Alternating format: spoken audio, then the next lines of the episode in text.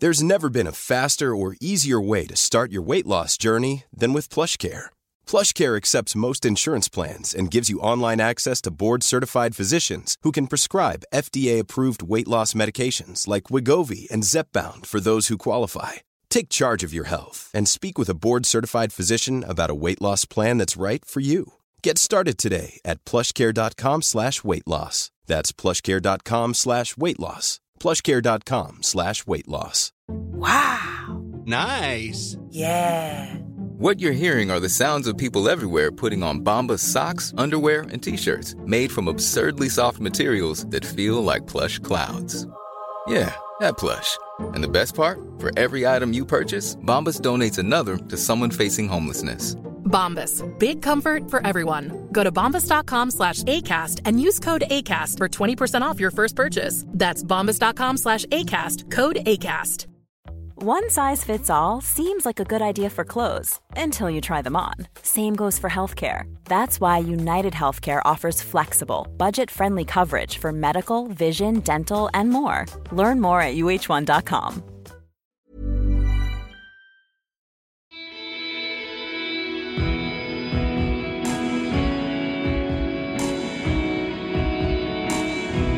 Velkommen til en ny episode og ny sesong av Kaptare podkast.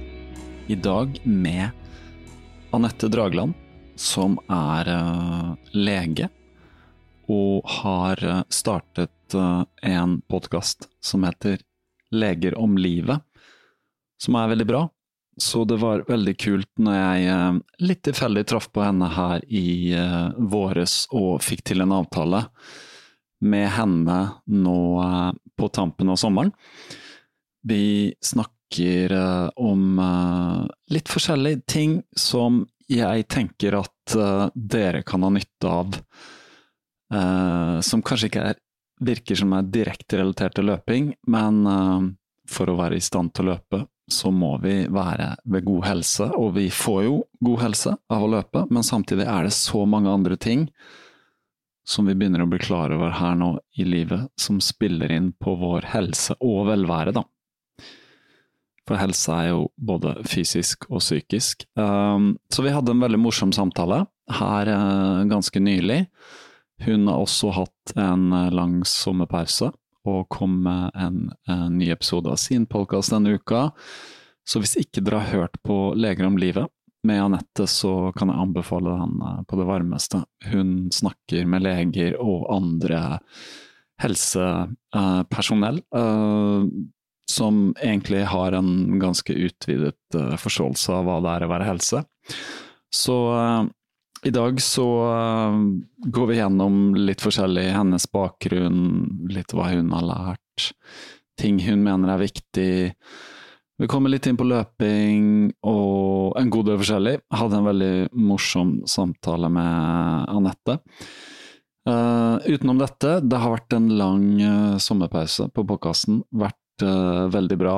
Sommerferie, ute og reist. Vært mange steder i Europa med tog. Jeg har også løpt Oslofjorden rundt. Ikke hele 100 miles-løpet, men den ruta som starter da i Moss og går til Lysaker, løper jeg. Det var 50 miles og min debut på distansen. Det var uh, selvfølgelig veldig langt, uh, veldig slitsomt, men veldig gøy, veldig givende og uh, på en måte en milepæl som løper, vil jeg si, og har tilbrakt elleve timer på beina. Den turen der lagde jeg en podkastepisode på sammen med Magnus Toru litt tidligere denne måneden. August, og uh, denne episoden ligger ute på Patrion-siden uh, til podkasten, som du kan finne link til i podkastnotatene, eller bare skriv inn patrion.com skråstrek kaptarepåkast, så finner du den der, både som lyd og faktisk en hel uh, video, hvis du liker å se samtaler. Og um, episoden i dag også er filmet. dessverre gikk batteriet tomt på eh, mot slutten. Men jeg legger også den på Patrion. Eh, jeg så litt på det, var ganske animert episode med mye armer og bein og fakter på eh, da særlig meg, selvfølgelig. Uh, utenom dette uh, vil bare si uh, tusen takk til alle som lytter, og for at dere deler mm, i sosiale medier og forteller til venner og kjente om podkasten, og takk til alle jeg treffer, og alle som har støttet podkasten. Da via Patrion og til og med Vips kom det inn her uh, i løpet av sommeren. Ganske fantastisk. Så um, uten å utsette noe videre nå, så går vi til episoden med Anette. Velkommen, Anette Dragland. Korrekt, Tusen takk. korrekt uttalt? Korrekt uttalt. Ja. Hvor kommer det etternavnet fra? Dragenes land? Dragland kommer fra et sted i Nord-Norge. Ikke Dragenes eh, land, men eh, det er veldig mange Når jeg bodde i USA, så kalte alle meg for Dragonland. Ja.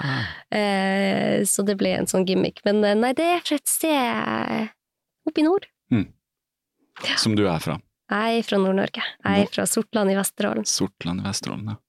Der er jeg vel Det er Jeg vet det er nærheten av Bodø. Er det ikke det? Altså, det er midt mellom Bodø og Tromsø. Ja, ok, ok. Så- Da er det ikke i nærheten av Bodø, Nei, fem fem timer fra Bodø. Fem timer fra Bodø. Ja, da tenkte jeg på et annet sted, uh, nær Bodø. Siste Jeg var militær i Bodø, skjønner du. Så, Ja. hva heter det siste uh, togstoppet før Bodø? Jeg er ikke god på geografi. Ja, nå roter vi oss ut. Men eh, Ja. uansett, du er her i Oslo hos Hei. meg. Velkommen, veldig gøy. Vi uh, møttes jo her i vår en gang. Ja. Litt tilfeldig, i en helt annen kontekst. Mm. For du var da Du er blitt med i uh, et fellesskap, er det riktig? Som Mm. heter Hva er det de kaller seg igjen? Team Tomorrow. Team Tomorrow. Mm. Eh, med en gjeng veldig bra damer, og der var jeg jo dokumenterte faktisk Dyrevern Alliansen hadde et foredrag. Så sånn jeg traff deg. Ja. Og da hadde jeg hørt om podkasten din, for du hadde hatt Torkil Færø, som jeg kjenner på podkasten, Ja. som også har vært her. Han er en fin fyr. Han er en fin fyr. Han har kjent, eh, jeg vet ikke om jeg sa det, men jeg har kjent han lenge fordi vi delte studio som fotografer. Studio Mørkerom. Mm -hmm. Vi var med i et studiofellesskap i, ja, nede i byen. Ja. Så Torkil er eh, Jeg kjenner han ikke som lege, men som fotograf, da, og på en måte menneske. Men uh, han har gjort mye gøy, og han holder jo på med en bok nå, så det var derfor han var på podkasten. Mm. Og det Ja. var litt gøy, for da, da var det mange som sendte melding tilbake og ble sånn bevisst på mange ting som hadde med sånn som han var opptatt av, måle på en måte pulsvariasjon og sånn indikatorer på stress og sånn, som Ja. du også spurte han en del om. Mm. Um, men i, du er her litt i kontekst at du er lege og har din egen påkast og har antagelig en del å bidra med. Men før det, hva er din bakgrunn? Uh, Min bakgrunn? ja. Nei, jeg eh, er fra Nord-Norge, som du sikkert hører. Mm. Eh, og så eh, har jeg vokst opp eh, med en far som er kiropraktor, mm. og en mor som har vært alvorlig syk hele min barndom. Eh, noe som gjorde at jeg sikkert i veldig tidlig alder ble opptatt av helse. Mm. Så jeg husker at når jeg var seks-syv år, husker jeg jeg sa til alle vennene mine at jeg skulle bli lege. For jeg skulle finne ut av hvordan man kunne gjøre at mennesker blir friske, og særlig hvordan folk skulle slutte å ha vondt. Mm. For mamma hadde mye vondt, og det er en ganske alvorlig eh, variant av leddgikt. Mm. Så det førte meg jo inn på medisinstudiet, og jeg har alltid vært veldig nysgjerrig, vært veldig opptatt av å finne ut av hvorfor. Mm. Alltid hvorfor, hvorfor, hvorfor. Og så kom jeg på medisinstudiet, og jeg er veldig, veldig glad for at jeg tok medisinstudiet. Men det var veldig mange spørsmål jeg ikke fikk besvart der heller. Mm. Hvorfor er det sånn at befolkninga blir sykere? Mm. Hvorfor er det sånn at vi blir sykere i tidligere alder? Hvorfor får så mange autoimmunsykdommer? Hvorfor får flere kreft? Mm. Disse spørsmålene stilte jeg hele tida gjennom studiet, men professorene mine svarte jo alltid det vet vi ikke. Vi, vi vet ikke hvorfor vi blir sykere. Mm. Og det gjorde jo at jeg eh, begynte å lese mye selv. Mm. Eh, og, Kan du tid til det, da, på medisinstudiet? Er ikke det ganske mye du skal gjennom fra før? Jo, men eh, de første årene hadde jeg ikke så mye tid utenom pensum. Mm. Men femte året så gikk jeg selv på en eh, fysisk og psykisk smell Mm. som gjorde at jeg var nødt til å ta tak i egen helse. Mm. Og da begynte jeg å lese alt jeg kunne, om alt fra kosthold, psykologi, eh, hvordan eh, alt henger sammen. Og jeg Mm. begynte å liksom se det store bildet, hente ned litt løse tråder, og begynte å se at for at vi mennesker skal være friske og ha det bra, så må vi se på flere faktorer. Mm. Og alt jeg lærte, gjorde jo at jeg selv fikk det mye bedre, og jeg hadde jo sett min egen mor få et utrolig mye bedre liv gjennom sin egen reise, der hun òg begynte å se på kosthold, meditasjon, stressmestring, Mm. trening. Mm. Og em, jeg har sett at ganske store ting kan skje når man tar tak i eh, Ja, får verktøy til å få det bedre selv. Mm. Og så begynte jeg å bruke eh, disse verktøyene som jeg lærte, i eh, pasientrelasjon. Å Når du starta egen praksis, eller ble Ja, når jeg ble lege. Ja. For jeg ble veldig overraska når jeg gikk ut i turnus og så hvor syke vi var. Mhm. Jeg ble veldig overraska å se at unge mennesker sleit som helsa si. Mm. Så jeg begynte å bruke alt jeg kunne, og jeg brukte veldig mye tid med pasientene mine, og ga de bøker og artikler og Mm. podkaster og meditasjonsapper, og jeg gjorde alt jeg kunne eh, for at de skulle få det bedre, og jeg så jo for en enorm effekt det hadde på deres helse. Men det er veldig uvanlig da, og at en lege gjør det. Jeg har aldri, jeg har vært mye hos legen, men jeg har aldri opplevd at en lege var sånn Les dette, eller research det, eller sånn. Jeg har opplevd at det viser forståelse, men ikke noe sånn eh, Les denne boken, hør denne podkasten. Det er nesten sånn at jeg har lyst til å si til min leke Har du, har du liksom Har du bare jeg har hørt noe Ja, ikke sant.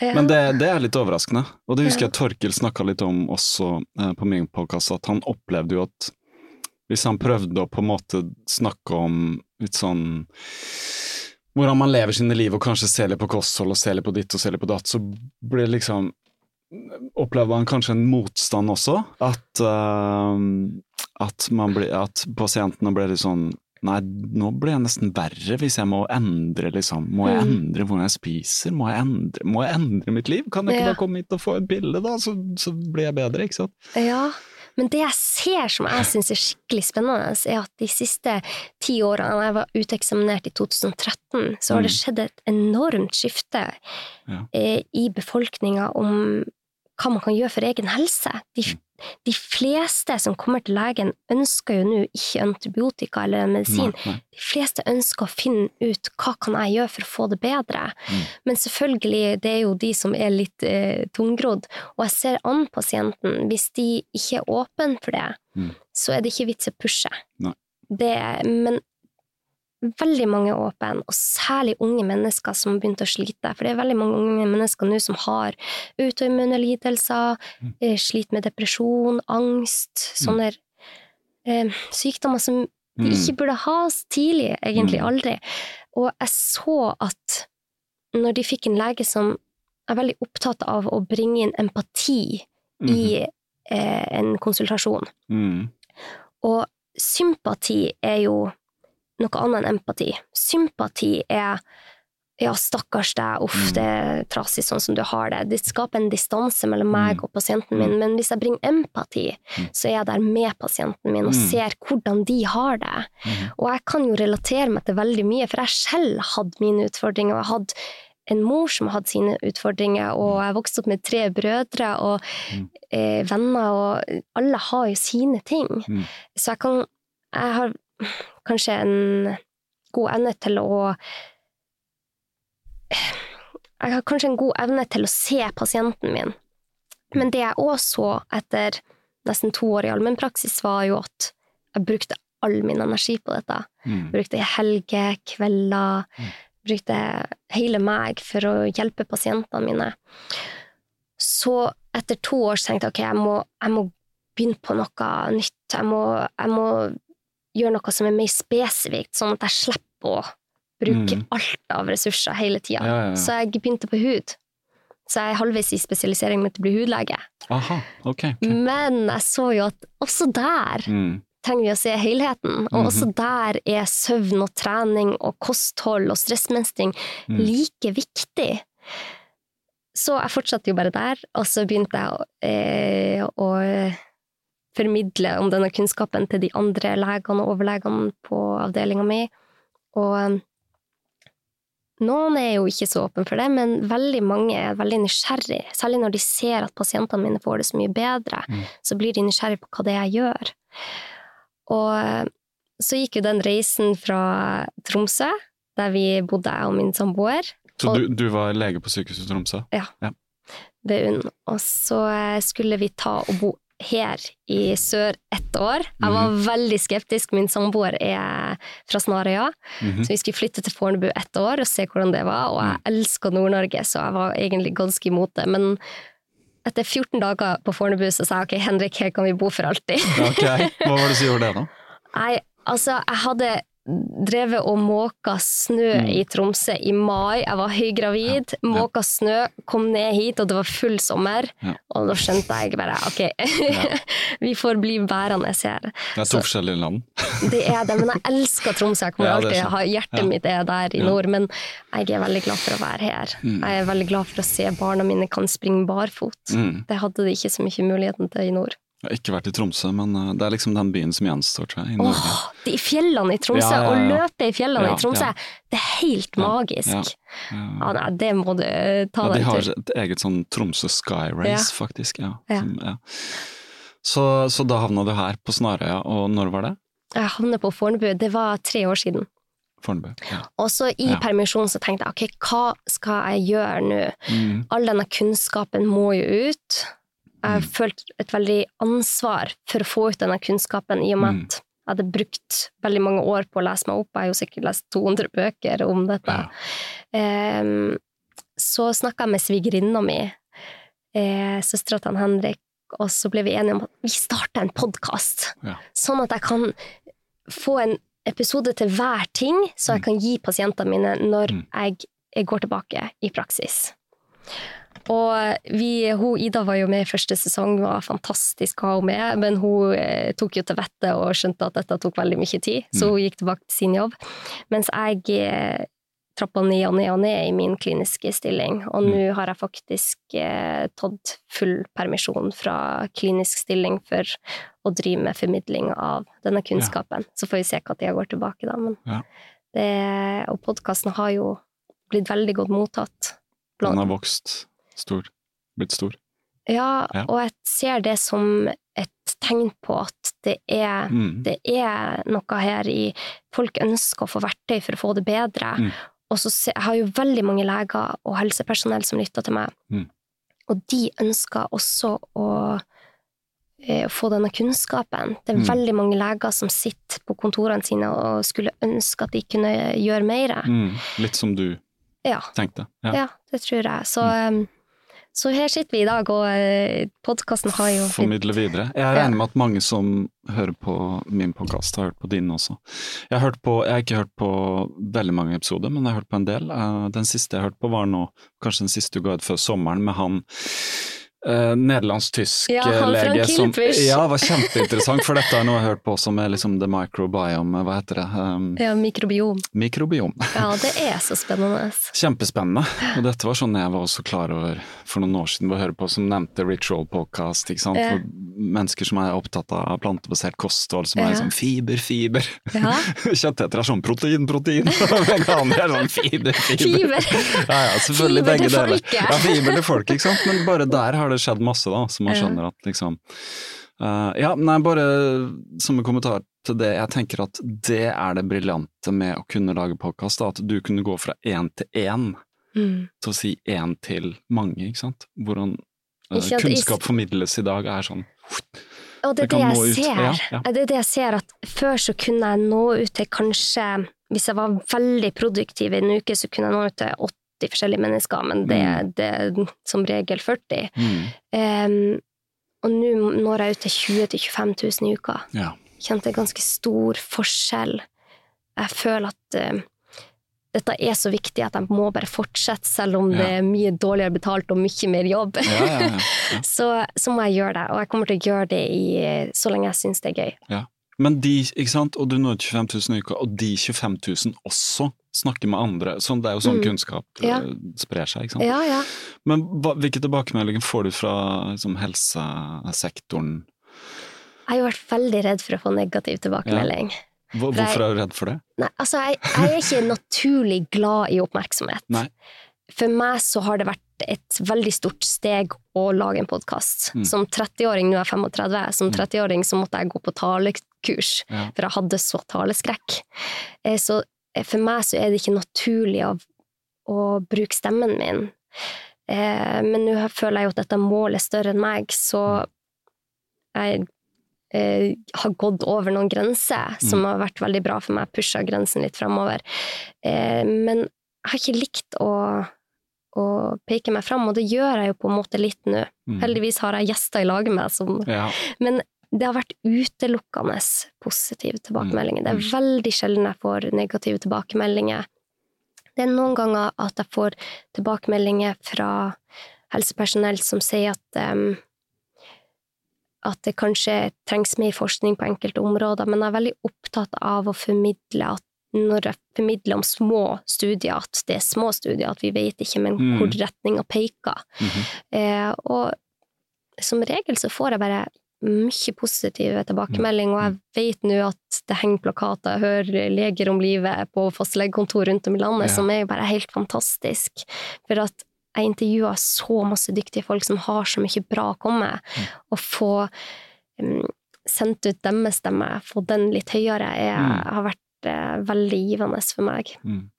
For det spurte han på mail. Er det bare leger, spurte jeg, som du snakker om, men Nei, det er, Ja. det er helsepersonell Ja. og forskere og enkelte andre som jeg føler er viktig å mm. formidle kunnskapen til. Mm. Eh, fordi ja, det har jo sant, Bare jeg har fått med at det har skjedd mye på det feltet der. eh, selv om jeg aldri har vært veldig opptatt av helse sånn forstand. For at, kanskje fordi at man har hatt det bra, så tenker man ikke på det. Mm. Men det jeg har vært opptatt av, er eh, psykisk helse. Mm. Og så tror jeg vi har hatt et sånn litt sånn Det har vært litt separert, på en måte. De på en måte mentale tingene har vært litt separat fra Mm. det vi tenker er mer de kroppslige tingene nå. Mm. Men så virker det på meg som vi har kommet til et sted hvor vi skjønner at liksom, ah, kropp og hode henger sammen. Og det er egentlig den samme Ja. Det er den samme uh, enheten, for så vidt. At ikke vi kan liksom trekke ut hjernen og de psykiske problemene fra liksom de kroppslige tingene. da. For meg er det helt sprøtt Ja, at vi har drevet med dette i så mange tiår, ja. og, og liksom grensa der, atskilt liksom, Ja. bare fra halsen og opp. Det Men vi føler jo oss litt atskilt Ja. på, på et vis noen ganger. mm. Og kanskje vi ikke har forstått helt kroppen, da. Mm. Eh, En gang gjorde de det kanskje før, og så har det liksom skjedd så mye. For medisin har jo bare kommet som en sånn sant, Hva som har skjedd de siste ja, sant, 150 årene. Mm. Og bare med oppdagelsen av antibiotika og, og sånne Mm. ting, og ja, bare kreft, liksom, forskning, Forskning, på det, ja. og stråling og alt det der som kan kurere mange, men på en måte ikke har tatt tak i hvorfor er det, hvorfor dør en tredjedel av befolkningen av kreft, liksom? Mm. Hvorfor får vi det? Sånne Ja. ting. Så Ja, altså, det, det er akkurat det. Å kunne se på årsaken til hvorfor vi får de sykdommene vi får. Takk og lov for at antibiotika finnes. Takk Mm. og lov for at det skjer fremskritt innenfor forskning og medisiner. Altså, forskning er helt essensielt for at vi skal få fram få framgang i, i helsa vår. Men det som har vært problematisk, er at det har vært forska kanskje litt for mye på medisiner og ikke livsstil. mm. Og når vi vet at livsstil og miljøet rundt står for 80-90% av helsa vår, Mm. så er det jo det man skal ta tak i. Mm. Hvis både som en frisk person, som forebyggende, men ikke minst når man blir syk. Mm. Når en pasient kommer inn til meg og forteller jeg har fått kreft, la oss si, Mhm. eh, og jeg skal behandle han for noe annet, for jeg er jo ikke kreftlege, så tar jeg jo også tak i mange andre ting. Han står på en heavy behandling, Mm. men da er det jo også viktig å ha fokus på andre deler av helsa hans, sånn som søvnen hans, Mm. hvordan mat han spiser, eh, hvordan, hvordan eh, stresset i kroppen, og ikke minst, hvordan er relasjonene hans? Mm. Relasjoner, Det var jo en Harvard-studie som har vist nå De fulgte jeg, husker ikke hvor mange, men eh, masse hundrevis av menn gjennom 50-60 år. Og så så de at den viktigste faktoren for å leve et langt og friskt liv var ikke mat og søvn og trening. Det var relasjonene. Så det å ha fokus på det òg, Mm. er jo kjempeviktig, og det, det liker pasientene mine godt å høre, for at relasjoner er kanskje ikke så vanskelig som alt. Det føles ikke som en plikt. Mm. Da tenker jeg ok, da skal jeg faktisk ta tak i og ringe hun Gunn som jeg ikke har snakka med på 20 år. Ja. Ta opp kontakten når jeg vet at det er bra for helsa mi. Men det er jo egentlig ikke sant, Hvis du tenker sånn tilbake hvor vi tenkte at bare det vi spiser og det fysiske påvirker oss, da, Mm. Så kommer vi til den studien her som snakker om hvor de har fulgt For det er jo en del som studier fulgt i et helt liv, ikke sant, Mm. så ser de at å, relasjoner er viktigst. Mm. For det er det som skaper på en måte vår virkelighet og hvordan vi har det, og kanskje liksom Altså, er man lykkelig, altså lykkelig, godt, er glad og liksom positiv, Ja. så blir man mindre syk enn hvis man er øh, deprimert og Ikke sant. Alle, alle som er i en jobb hvor du mistrives i, Mm.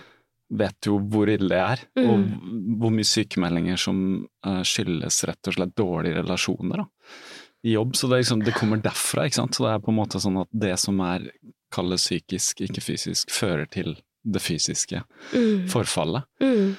Det påvirker oss, våre Ja. emosjoner påvirker oss helt ned på cellenivå. Ja. Det påvirker genene våre. Mm.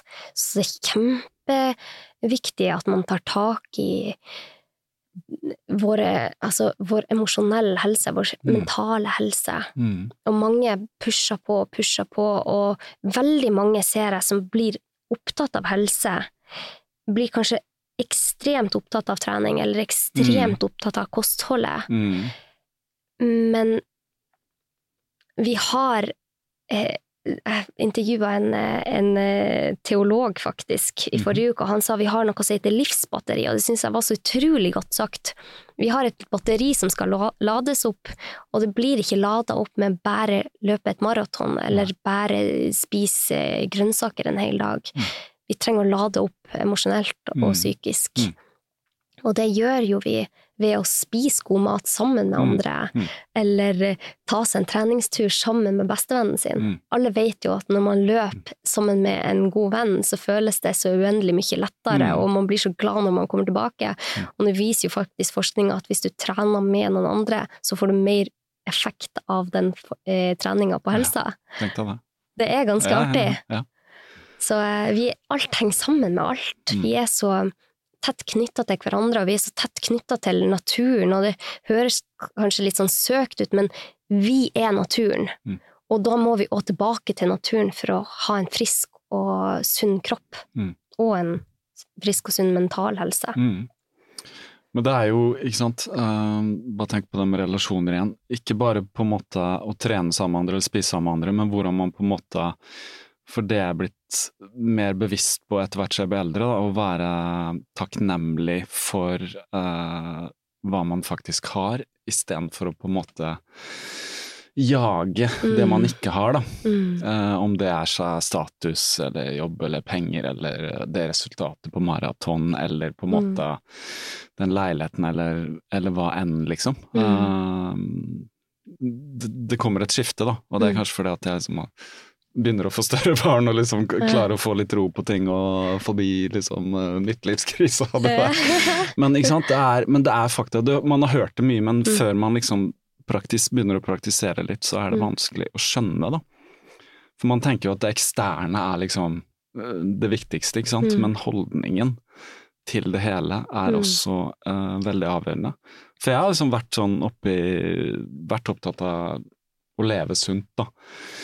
Men samtidig trodd at liksom hvis jeg har sovet dårlig eller vært stressa, så jeg må fikse på det, fikse på det, justere, justere. Men det er liksom alle de små faktorene har liksom Ja, det har bidratt, Mm. men det har på en måte det store skiftet har vært å skjønne at en selv er sånn ansvarlig også, da. Mm. For hvordan en er i verden, for hvordan man eh, behandler andre, ikke minst. Også veldig lærdom å få barn, hvordan du reagerer, ikke sant. Um, Hvem er egentlig barna her, liksom? Yeah. På, på en måte sånn, yeah. hvem skal ta ansvar for uh, eh, Man må bare skjønne da, at alle er på sin utvikling, sånn at uh, en, en femåring vil jo reagere på en måte. Du kan liksom ikke klandre de for å reagere nei. som en femåring. Nei, nei. Og det er sånne ting da, som har ført til at liksom kanskje se litt på seg selv og tenke at ja, kanskje ikke jeg har vært helt eh, moden i min, uh, Mm. Ikke sant? Så for meg har det vært veldig sånn, og det er mer en sånn selvutviklingsting, men jeg ser at det henger også veldig sammen med min helse, da.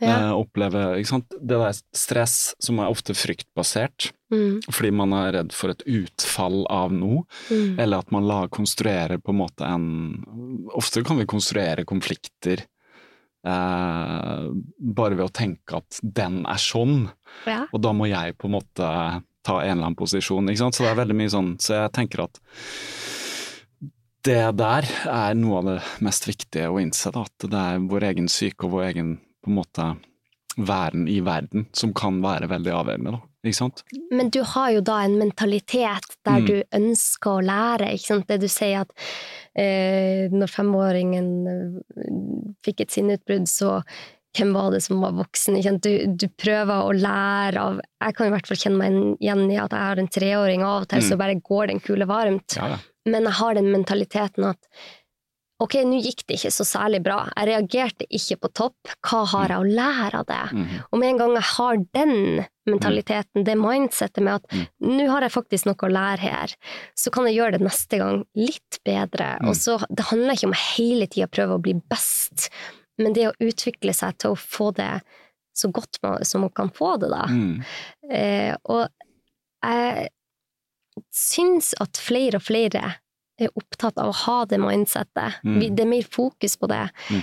Og jeg tror mange opplever at de får det så mye bedre Mm. når de klarer å tenke på, sånn som du sier, at du er takknemlig for det du har. Studier viser jo at hvis man klarer å skifte den tankegangen, for det er en øvelse, det er ikke Det er sånn at du er Det født med det. Nei. Hvis du klarer å skifte fokus til å være takknemlig for det du har, så blir du lykkeligere. Mm. Og vi vet at hvis man blir lykkeligere, Mm. så blir man også mer fysisk frisk. Mm. Mm. Så igjen, det henger sammen med alt. Mm. Jeg prøver å praktisere takknemlighet, og det er veldig vanskelig. Man glemmer det ganske lett, da. man glemmer det lett. Mm. Og jeg har en god venn av meg, han starta dagen med å skrive ned ting, tre ting han er takknemlig for. Mm. Det er sånne småting man kan gjøre som gjør, jeg er sikker på Mm. at det Mm. gjør at man får det bedre i livet. Jeg er også sikker på det. Og som du sier, det er faktisk en øvelse. Det er Mm. en praksis. Uh, og det vet vi jo bare sånn tilbake til fysiologien. Da. Hjernen, vi vet jo at liksom? Hjernen funker sånn at det er nevroner, altså signaler mellom. Mm. Sånn. Og for å endre på noe, så må du bygge nye Nervebaner. nervebaner, Ja. ikke sant? Og det er jo ikke bare sånn så er den klar, liksom. Nei. Det begynner med en tynn sånn, ikke sant. Veldig, altså, og altså, så må du la det gå signaler mellom, da, og så, og så skjønner hjernen at «Å, her skjer noe som ikke har skjedd før, da må jeg bygge en bedre fiberoptisk linje, ikke sant. Ja. Så smører det med sånn der myelin, og, ikke sant. Og så plutselig så er det superfart der, og så har man endra seg, da. Ja, og det er akkurat det, det pleier jeg å si.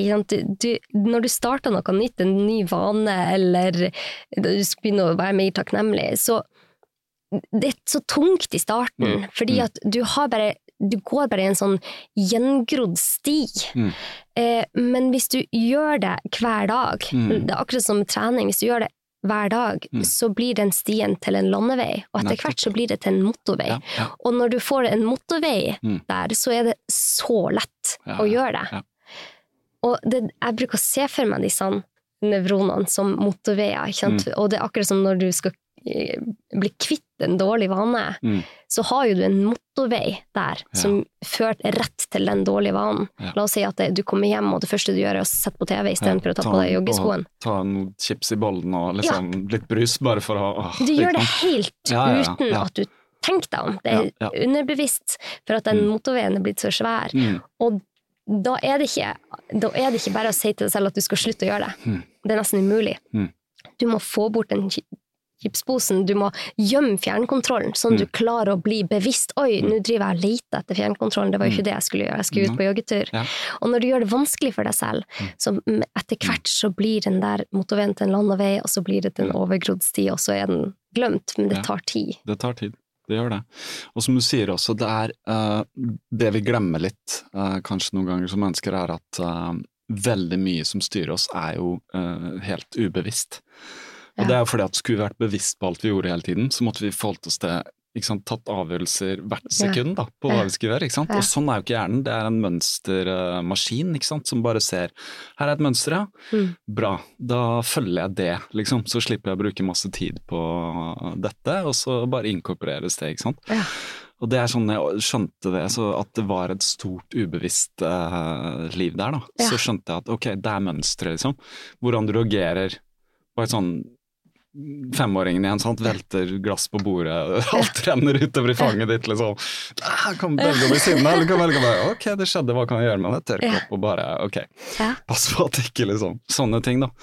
Så det er bare sånne mønstre som, eh, som er veldig lett for gjenta seg. Um, og det er noe jeg har brukt de senere åra mye på. og mange snakker jo om det. mønstre Mønsteret styrer oss. Det er den store, liksom Elefanten som går framover, og, så- og så er vi den lille mauren som på en måte vi tror vi styrer. Og skal, Jeg går i den retningen, men elefanten bare går jo Ikke sant?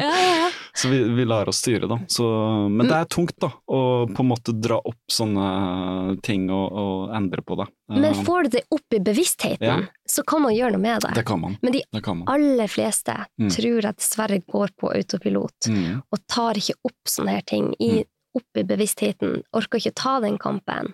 Mm. Men når man først har begynt å ta den kampen, så blir det jo et mønster at du Mm. ser på ting og tar det opp i bevisstheten din og ser på hvorfor jeg har gjort sånn hele livet. Mm. Dette er jo en kanskje mye mer fornuftig måte å gjøre det på. Ja. Men det går ikke an å endre på noe hvis ikke du blir bevisst det. Nei. Og mye av det vi gjør da, uh, i livet, er jo også lært veldig tidlig, Mm. som barn. For at det er det vi er. I begynnelsen er vi bare mimemaskiner, ikke sant. Eller Mm. hjernen er bare sånn, Mm. plukker opp hva som skjer. Og da er jo foreldrene nærmest, og så Mm. går vi inn i mønsteret. Og det er sånn, det tok meg ganske lang tid å forstå og se at oi, jeg ligna veldig mye mer på faren min enn jeg trodde. Ja. Ikke sant? Ja. Det var sånn oi, faktisk, ja. Mm. liksom følte at vi hadde ikke så nært forhold, men så skjønte jeg at jeg har lært mye av han som jeg ikke trodde at liksom, ikke sant. Ja. Um, men bare å bli bevisst på det. Og moren min var annerledes, hun var sånn hun var opptatt av psykologi og opptatt av alle de tingene der, og liksom var sånn den typen, mens jeg bare ja ja, det er jo liksom hennes greie, ikke sant. Men så har jeg skjønt at å ja, der eh, var det faktisk mye. Når begynte du den der reisen, da? Og at du begynte Eh, å Nei, ja, ja, godt spørsmål. Eh, Når begynner en reise i det hele tatt, liksom? Når jeg ble bevisst på det ehm, jeg, jeg tror Vet du hva, det er litt morsomt å si det, men mye endra seg når jeg faktisk begynte å løpe. Ja. Det er ganske rart. Ja. Fordi jeg begynte å løpe igjen, da, i godt voksen alder rett før jeg ble 40, som var uh, 2015, uh, seint 2014. Og bare, bare det valget, å på en måte tenke at nå må jeg tilbake i liksom trening fordi jeg hadde vært tenkt at jeg var sunn og sånn, men hatt litt sånn kalle lat livsstil, da. Og så skjønte jeg med små barn og sånn at liksom, jeg må, jeg må ta, ta litt tak. Um, for energinivået, liksom bare, ikke sant, så man ikke går helt på akkord med seg selv. Og da begynte løpingen. Og da begynte også interesse for det med kosthold Mm. Og plantebasert, og da begynte jeg å høre podkast, og da begynte jeg å lære ganske mye. Ja. Og det jeg søkte på en måte i podkastet, var sånn de som tok for seg, ja, Ritual-podkasten som tok for seg liksom veldig store spekter av hvordan det er å være menneske, alt fra liksom mye sånn trening og praktisk kosthold og sånn, men liksom filosofi og litt sånn inn i spiritualitet, Mm. som ikke betyr religion eller liksom Gud eller noe sånt, men den der, Ja. de der aspektene som vi liksom tenker er sånn abstrakt, men som samtidig faktisk har noe å si for Mm. holdning, da. Mm. Um, så det er vel et slags svar på det. Og så er det jo en kontinuerlig prosess, da. Mm. Um, men den interessen for å lære noe har alltid vært der. Det har vært en sånn eh, Basert på kanskje en litt sånn uro og en litt sånn uh, Hva skal jeg si Ikke følt meg Var flink på skolen, men ikke følt meg så uh, i sånn klasserom og sånn læringsprosesser hvor jeg trengte på en måte å praktisere ting, da. Mm. Å gjøre ting sånn som for eksempel, jeg studerte på universitetet, men jeg var opptatt av fotografi, og så endte det med at jeg liksom slutta på studier og ble fotograf, for at det var en mye mer sånn praktisk måte å være i verden, ikke sant. Hva studerte du? Jeg studerte sosialantropologi, Okay. men det var litt sånn tilfeldig fordi at noen venner av meg tok det studiet, så Ja, ja. begynte jeg på det, så det var sånn jeg hadde ikke helt liksom bestemt meg, men ja, det hørtes ut som en god idé. Hvor gammel var du da? jeg begynte når jeg var eh, skal vi se, høsten 1997 Var det da jeg begynte å studere, eller var det 96? Nei, det var faktisk høsten 96, så jeg var 21. Ja. Ganske ung, da. Og det er jo det som er Ja. Mange tar de der beslutningene når hjernen ikke er ferdigutvikla, ikke Mm. sant? Du, du sier du tok det for en venn tok eh, det, og Ja. det er jo hjerneforsker eh, Roa Syvertsen, jeg vet ikke om du har hørt om hun har skrevet eh, boka Menneskehjernen. Hun sier jo at vi er jo ikke rusta egentlig for å ta valg om hva vi skal studere når vi er 21, for at frontallappen er ikke ferdigutvikla. Og det kjenner vi oss igjen i Mm. når vi ser tilbake på Mm. ja, 18-19-20-årene Mm. hvor irrasjonell man var, Mm. og hvor masse man gjorde på impuls. Det er for at man har ikke utvikla den rasjonelle delen av hjernen, da. Så, men det, det er morsomt å høre på eh, din historie, og jeg tror veldig mange kjenner seg igjen i at de begynner å gjøre noe. For deg var det du begynte å løpe. Mm. Og når du begynner å løpe, så kommer du jo inn i en Min samboer, han er jo ultraløper. Ja, det må Og han, han beskriver jo det med løping som nesten som meditasjon. Mm.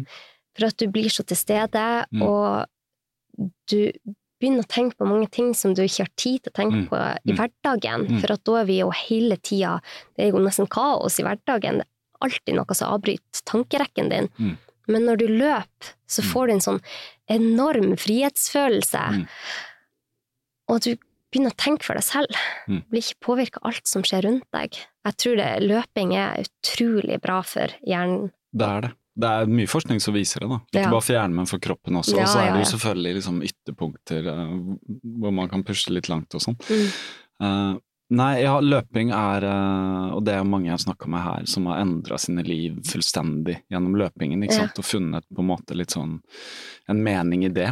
Men meningen er jo på en måte en forlengelse av løpingen, da. At du, som du sier, ikke sant, at man er til stede i seg selv på en helt annen måte. Og så tror jeg det egentlig er veldig innebygd i oss naturlig å være Altså det ligger i vårt Ja. DNA og arvemateriale, ikke sant. Vi har vært eh, på en måte Hva heter det, nomadisk hele Mm. vårt liv, da. Mm.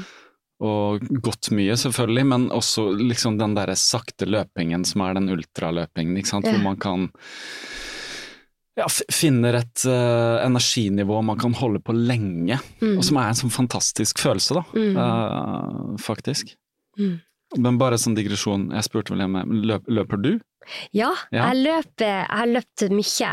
Men så fikk jeg en ryggskade Mm. eh, som har gjort at jeg ikke har kunnet løpt på noen år nå. Mm. Og det har vært en stor sorg i mitt liv. Jeg elsker å løpe. Men nå har jeg fått meg personlig trener for første gang i mitt Ja, liv, ja. og han sier at vi skal klare å ordne det. Ja. Så jeg, jeg regner med at jeg er tilbake i løpeskoene etter hvert. Men eh, for meg så er løping det er noe av det mest befriende jeg kan gjøre. Mm.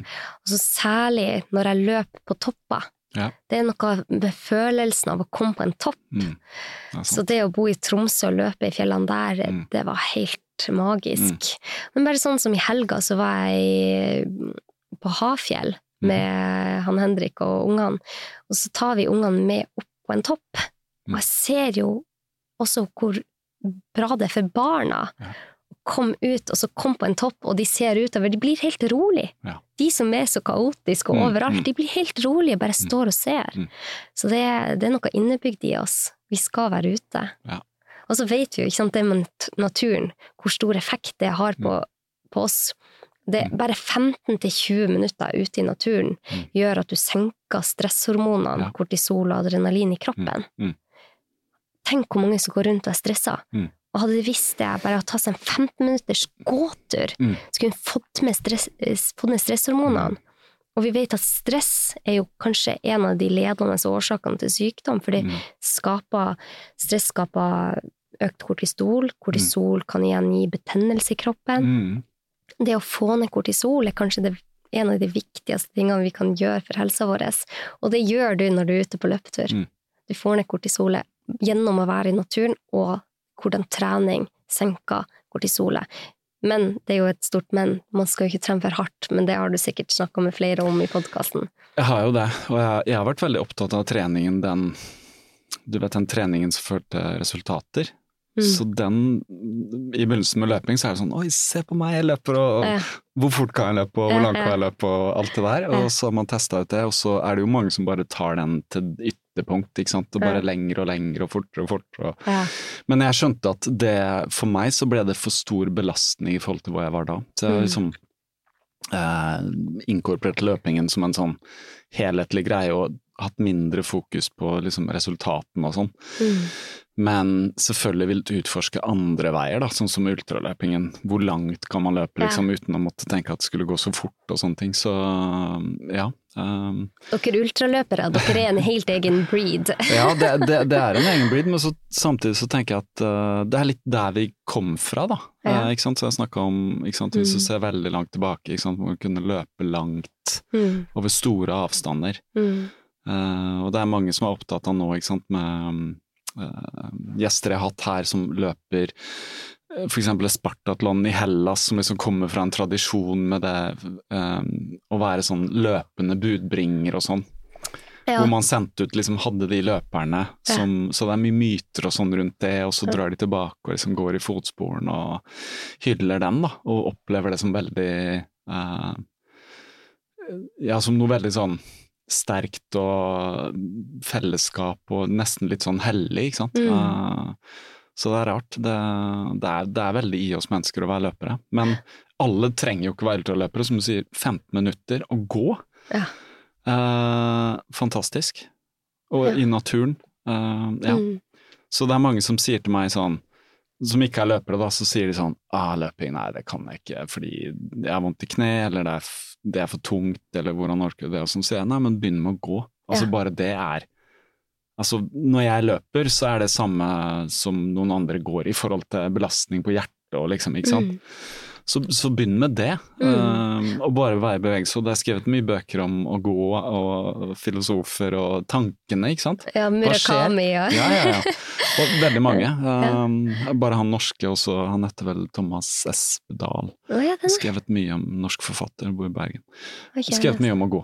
Altså, ja. For det er så naturlig. Og så er det jo veldig artig det forskninga som er på hjernebølger. Mm, For vi blir så eksponert for så mye informasjon hele tida, så hjernebølgene våre er veldig eh, Vi har de, de sånn alfabølgene som går veldig fort. Ja.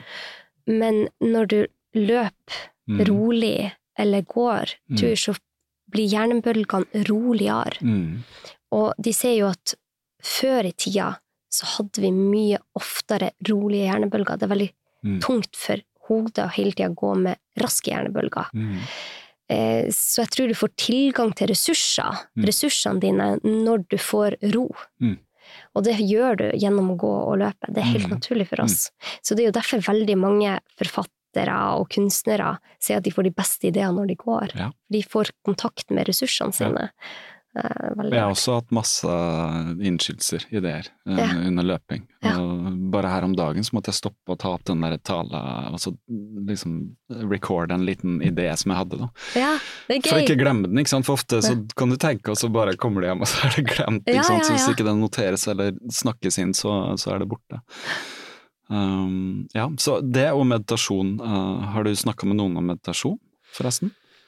På, på, på podkasten? Mm, Eller er det noen Jeg leger som er opptatt av det? jeg, jeg snakker ofte om meditasjon Ja. i podkasten, men jeg skal, jeg skal ta og invitere han Audun Mysja. Har du hørt om han? Han har jeg hørt om. Ja. Mm.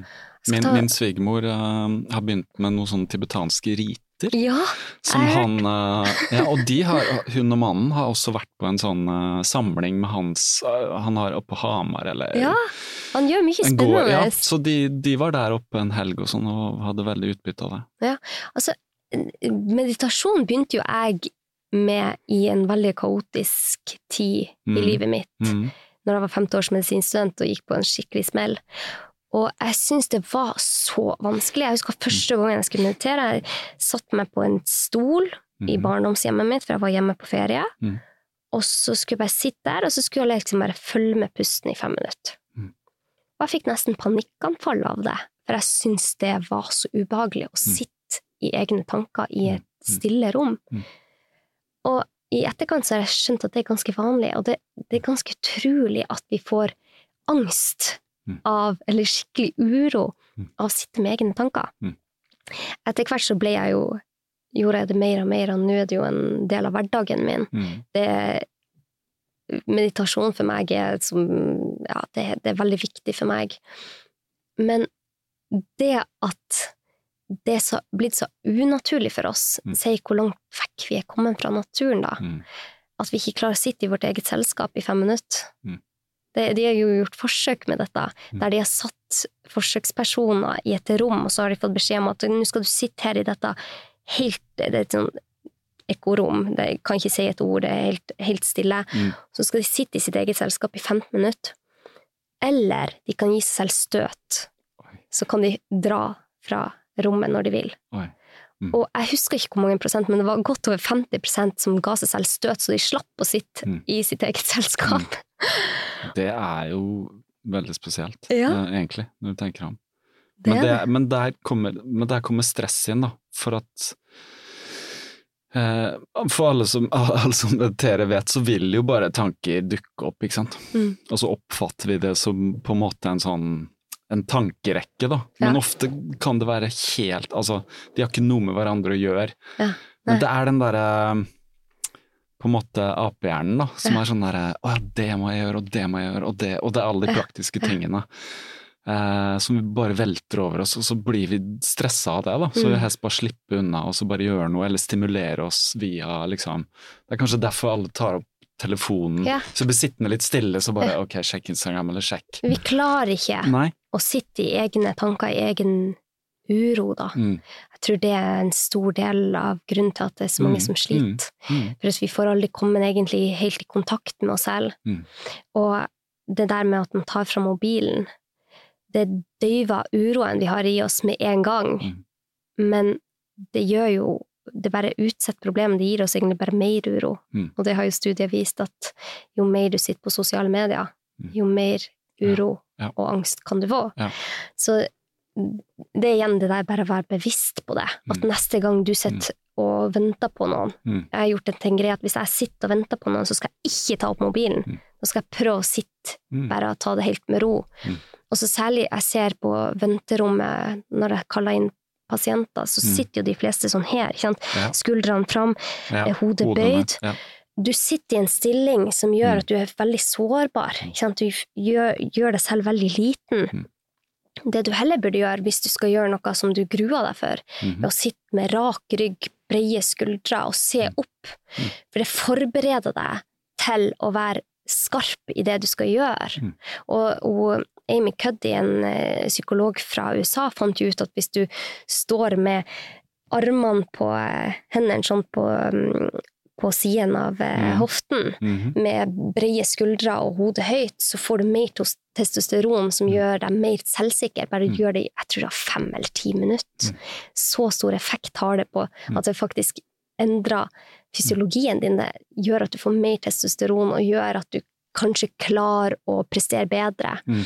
Og man skal ikke prestere hos legen, men veldig mange kan føle seg igjen i at de er veldig usikre når de går til legen, mm. og at de glemmer å fortelle hva 90% av det de skulle fortelle Mm. jeg anbefaler varmt å prøve å sitte rakrygga og ha Mm. skuldrene bredt Mm. før du skal på noe, og hvis du skal holde en tale eller hva som helst. Mhm. For det handler om signalene du sender tilbake til kroppen din hele tida. Mm. Og det å være bevisst på kroppsspråket ditt er, kan ha stor effekt på hvordan du føler deg. Og Mm. hvordan du føler deg gjør jo enn hvordan du presterer i hverdagen, Mm. og hvordan du har det i hverdagen. For det er jo en evig sånn feedback loop mellom hjernen og kropp.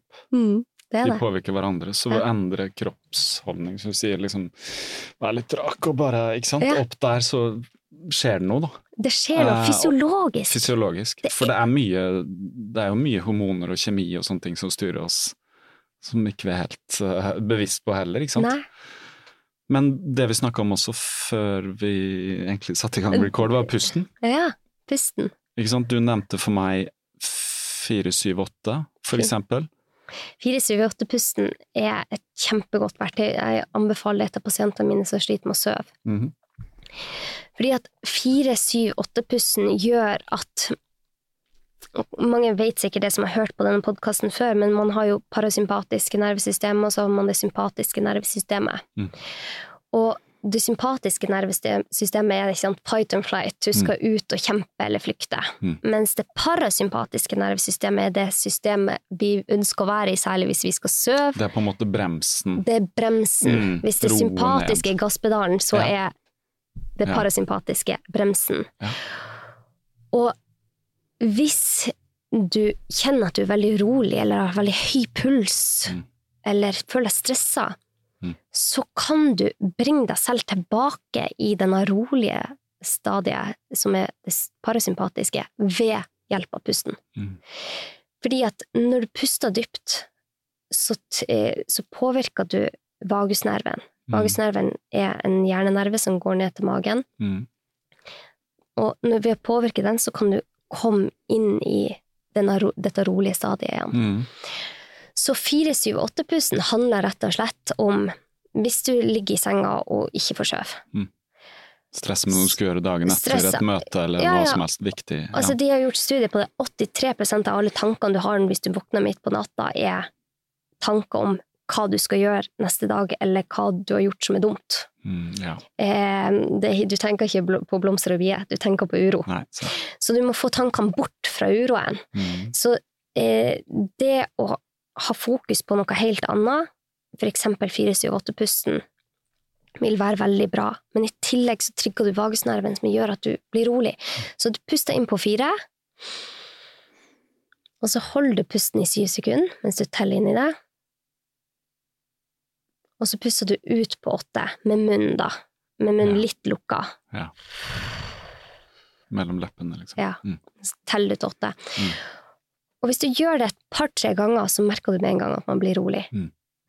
Og det, det som teknikk som jeg har lært meg, jeg jo, har jo vært mye urolig i livet og vært mye stressa, Mm. følt jeg må prestere mye, Mm. men pustinga har gjort at jeg har fått det så mye bedre. Sånn som når jeg kjører hit i dag. Mhm. Jeg liker ikke så godt å kjøre i byen. Da tenker jeg på pusten Mm. hele tida, at jeg ikke puster fort og overfladisk, som Mm. de fleste av oss gjør. Prøver å puste ned i magen, Mm. sånn at jeg forteller kroppen min at dette er faktisk ikke farlig. For det vi gjør når vi puster overfladisk, er jo at vi forteller kroppen vår at her er det fare på ferde. Og det, det å bare fortelle kroppen annerledes Mm. kan ha stor effekt på helsa. Det er, det er kjempeartig, det her, Marius. Ja, og kroppen vet jo ikke forskjell uh, på en reell fare og en, en, en eh, oppfattet, altså eh, Nettopp. noe vi lager i hodet. Den bare er sånn wow, wow, wow, blir vi angrepet nå? Hva, ikke sant? Kroppen vet ikke forskjell Er det en bjørn?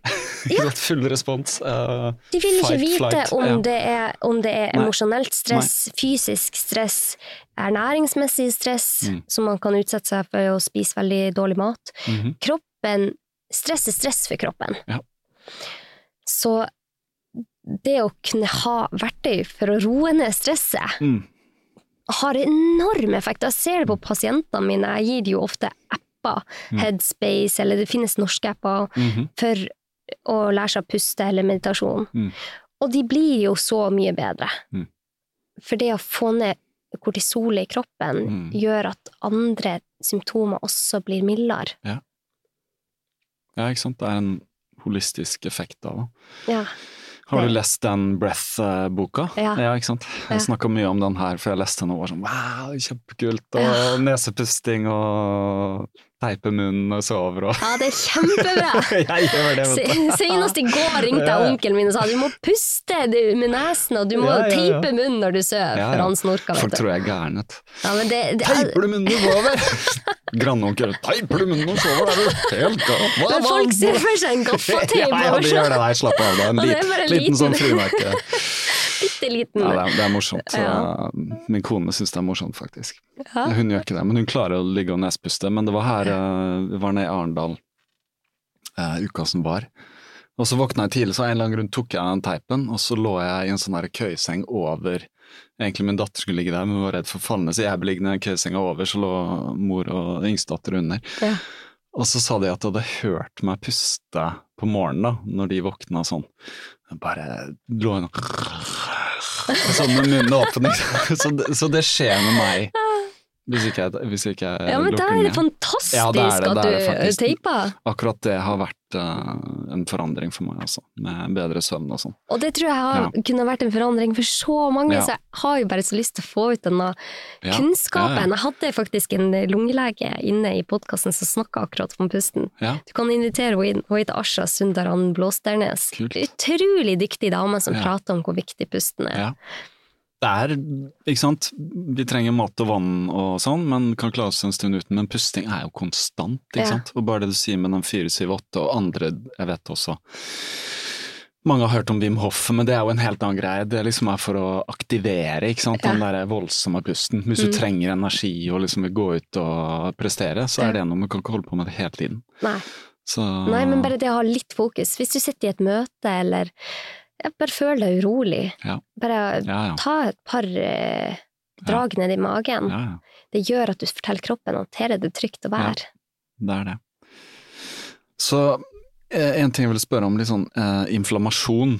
For det er jo noe som er ganske um, relevant for løpere. Mm. Ikke sant? Særlig de som prøver å eh, få til liksom maks trening på toppen av jobb og familie og andre Mm. ting, ikke sant. Og så merker man jo at uh, akkurat det der når man pusher litt hardt i perioder, så merker man den der inflammasjonen som en sånn følelse i kroppen, at en sånn mild betennelse. Og mange kan jo oppleve at trener i fart, så blir du lettere syk, ikke sant. Mm. Da har du pusha for langt, og så eh, Så det regner jeg med at du har snakka med en del om. Mm. Ja. Eh, Hva, hva kan man liksom Selvfølgelig, du har jo hatt mange samtaler om det, men kan man liksom destillere det litt ned til enkelte ting vi kan gjøre for å minske den inflammasjonen i kroppen som vi opplever gjennom stress? Og altså, hva, hva kommer det av, og hvordan kan man minske på en måte den belastningen da, som fører til inflammasjon? Inflammasjon er kjempespennende, Mm. og det blir heldigvis snakka om på veldig mange konferanser rundt om i verden, legekonferanser, så det begynner å komme inn i legestanden nå. Inflammasjon er jo betennelse, Mm. og vi har til enhver tid litt inflammasjon, litt betennelse her og der, Mhm. for å Det er immunforsvaret vårt som Ja. tar og slukker branner her og der i kroppen. Men det vi ser nå, er at veldig mange går med forhøya, kronisk lavgradig betennelse da, i kroppen Mm. hver dag. Mm. Og det som skjer da, er at til slutt så vil sannsynligvis man få en eller annen sykdom ut av det. Nå er inflammasjon linka til hjerte-karsykdom, Alzheimers, Mm. autoimmune sykdommer, det er linka til astma, det er linka, altså det er linka til Mm. så vanvittig mye. Mm. Eh, Og jeg er veldig glad for at det begynte å bli så mye snakk om inflammasjon, for at en diagnose forteller jo deg egentlig bare om symptomene. Mm. Så hvis du har de og de symptomene, så får du den diagnosen. Men Mm. det forteller deg veldig lite om hva som faktisk er årsaken til hvorfor du har fått den sykdommen. Mm. Og ofte så kan betennelse eller inflammasjon være en veldig stor medvirkende faktor. Mm. Og for å få ned betennelsen igjen, fordi dette er jo blitt et ganske stort problem i den vestlige verden, det er å rett og slett gå back to basic, som jeg sier. Det er Vi kan gå litt nærmere inn på det, men for å bare få et lite overblikk. Mhm. Det er søvna, fokus på søvn, Mm. syv til ni timer hver natt, Mm. og ingen får til hver natt. Men det å prøve, Mesteparten av tiden, kan Ja. man si. Ja. mesteparten av tida. Så er det trening. Mm. Hvis man ikke kjører seg for hardt, Mm. så er trening fantastisk for å få ned betennelse i kroppen. Og det tredje er mat. Mm. Kan man spise dette, må vi gå inn på, for det er kjempespennende. Mm. 70% av immunforsvaret vårt sitter i tarmene. Mm. Og vi spiser ikke bare for oss, vi spiser også for tarmbakterier. Mm. Jeg kan gå nærmere inn på det. Og så er det dette med stressmestring. Får ned kortisol, for kortisol er fuel på er bensin på denne informasjonen. Ja. Og det femte er Men det er noe vi trenger. Det er som den der som slukker de små båla, Ja. men for mye av det skader rett og slett våre egne celler, eller Ja. vår egen kropp. Ja. Det gjør det. Mm. Og så er det siste relasjoner, for det gir oss også lavere kortisol. Mm. Og vi vet ikke alt hvorfor relasjon er så viktig, men Mm. det er den femte faktoren som jeg snakka snakker, snakker om disse fem store. Mm. Og det Når jeg har pasienter inne hos meg som åpenbart sliter med forhøya betennelse i kroppen, Mm. la oss si at de har hjerte-karsykdom eller mageproblemer, eller det er mange symptomer på det, Mm. så pleier jeg å, å se på hva er det første vi kan ta tak i. For det å ta tak i altfor mange ting samtidig er ikke bærekraftig. Det er ingen som klarer å endre seg over natta, og det er ikke bra for oss heller. Det vil skape veldig mye stress for oss hvis vi skal gå fra en helt sånn stillesittende eh, hverdag der vi spiser potetgull eh, og ser på TV hver dag, til å bli en sånn buddhistisk munk som springer maraton og bare spiser plantebasert. Mm. Altså, det er gradvise endringer, Mm. og det er viktig at man gjør det gradvis. Mm. For Ikke bare for at man kommer til å falle tilbake hvis man gjør det for fort, men det er for at ingenting skal bli stress. Mm. For at stress er jo så viktig å få ned. Så hvis jeg har en pasient inne hos meg som sliter med eller annen, et eller annet symptom som jeg kan tenke kanskje har noe med betennelse, så begynner jeg veldig ofte med maten. For vi vet at 70% av immunforsvaret vårt sitter i tarmene. Mm. Og Og det er fordi, rett og slett, det er en så stor samling av bakterier. mm, i mage-tarm-regionen Ja. vår, særlig tykktarmen, da, Mm. Her skjer det enormt mye. Altså, det, Mm. det er en sånn hær av immunceller som er rundt tarmen vår, som Mm. skal sikre at eh, forskjellige molekyler og kjemikalier ikke skal komme inn i blodet vårt og Mm. Gjøre oss syke. Ja. Men det som skjer når For vi har tar, en tarmflora som vi må ta godt vare på, da. Mm. Og det som skjer er at hvis vi har en dysbiose i tarmen, altså at vi har en overvekt av for eksempel skadelige tarmbakterier, eller at vi har veldig lite mangfold i tarmen, Mm. så kan det føre til at man får betennelse i tarmen, Mm. eller lekktarm, at Mm. de sånn eh, metabolittene og de sånn små eh, Hvordan skal vi si det på vanlig Disse De sånn små eh, stoffene Mm. som eh, bakterier produserer, eller bakterier i seg selv, kommer inn gjennom Mm. sånn små porene i tarmen vår Mm. Og skaper veldig mye eh, negative ringvirkninger rundt om i kroppen. For Mm. kommer ting inn i blodet ditt, så kommer det over hele kroppen. Ja. Med en gang. Mm. Så det å få en normal tarmflora, og Mm. prøve å få ro på tarmen, det har kjempestor effekt. Mm. Og det har vært mye forskning fram og tilbake. Hva er det sunt, som er sunt å spise? Hva skal vi spise? Og det, det er så store ytterpunkter. Det er den Mm. der han er- som er bærekjøtt, og så er det den der en andre som er bærevegansk mat. Mm. Og studier, veldig, veldig mange studier, må jeg si, viser til at plantebasert mat er det beste. Jeg tror personlig ikke det er farlig å spise kjøtt, men jeg tror det er viktig å være litt obs på hvor kjøttet ditt kommer ifra. Mhm. Eh, for alt har en helhet, og det dyret spiser, det spiser jo til slutt vi, og mm. alt henger sammen her. Mm. Men det å ha litt kjøtt i maten, det ser ikke jeg på som et problem.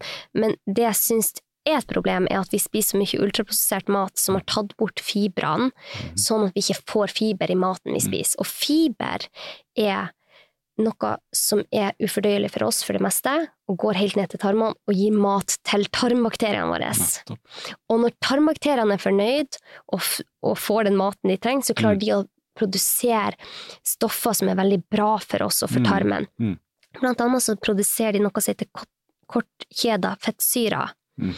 eh, short chain fatty acids, Mm. som på en måte vi kan si at det, det er som at de smører innsida av tarmen vår, Ja. sånn at Litt olje for maskineri. Ja, ja, rett og slett. Ja. Og det er viktig å ha nok av dette. Mm. Og da hjelper det ikke å spise bare, la oss si at du digger gulrøtter, men ikke liker resten av eh, mangfoldet i planteverden, Mm. så vil ikke det hjelpe deg så veldig mye. Det vil kanskje hjelpe deg på, til en viss grad, men det i og med at diversiteten, mangfoldet i tarmen din er så viktig, Mm. så det er også veldig viktig å ha mangfold, altså diversitet i hva du spiser. Mm. For ulike bakterier spiser forskjellig type næring. Mm.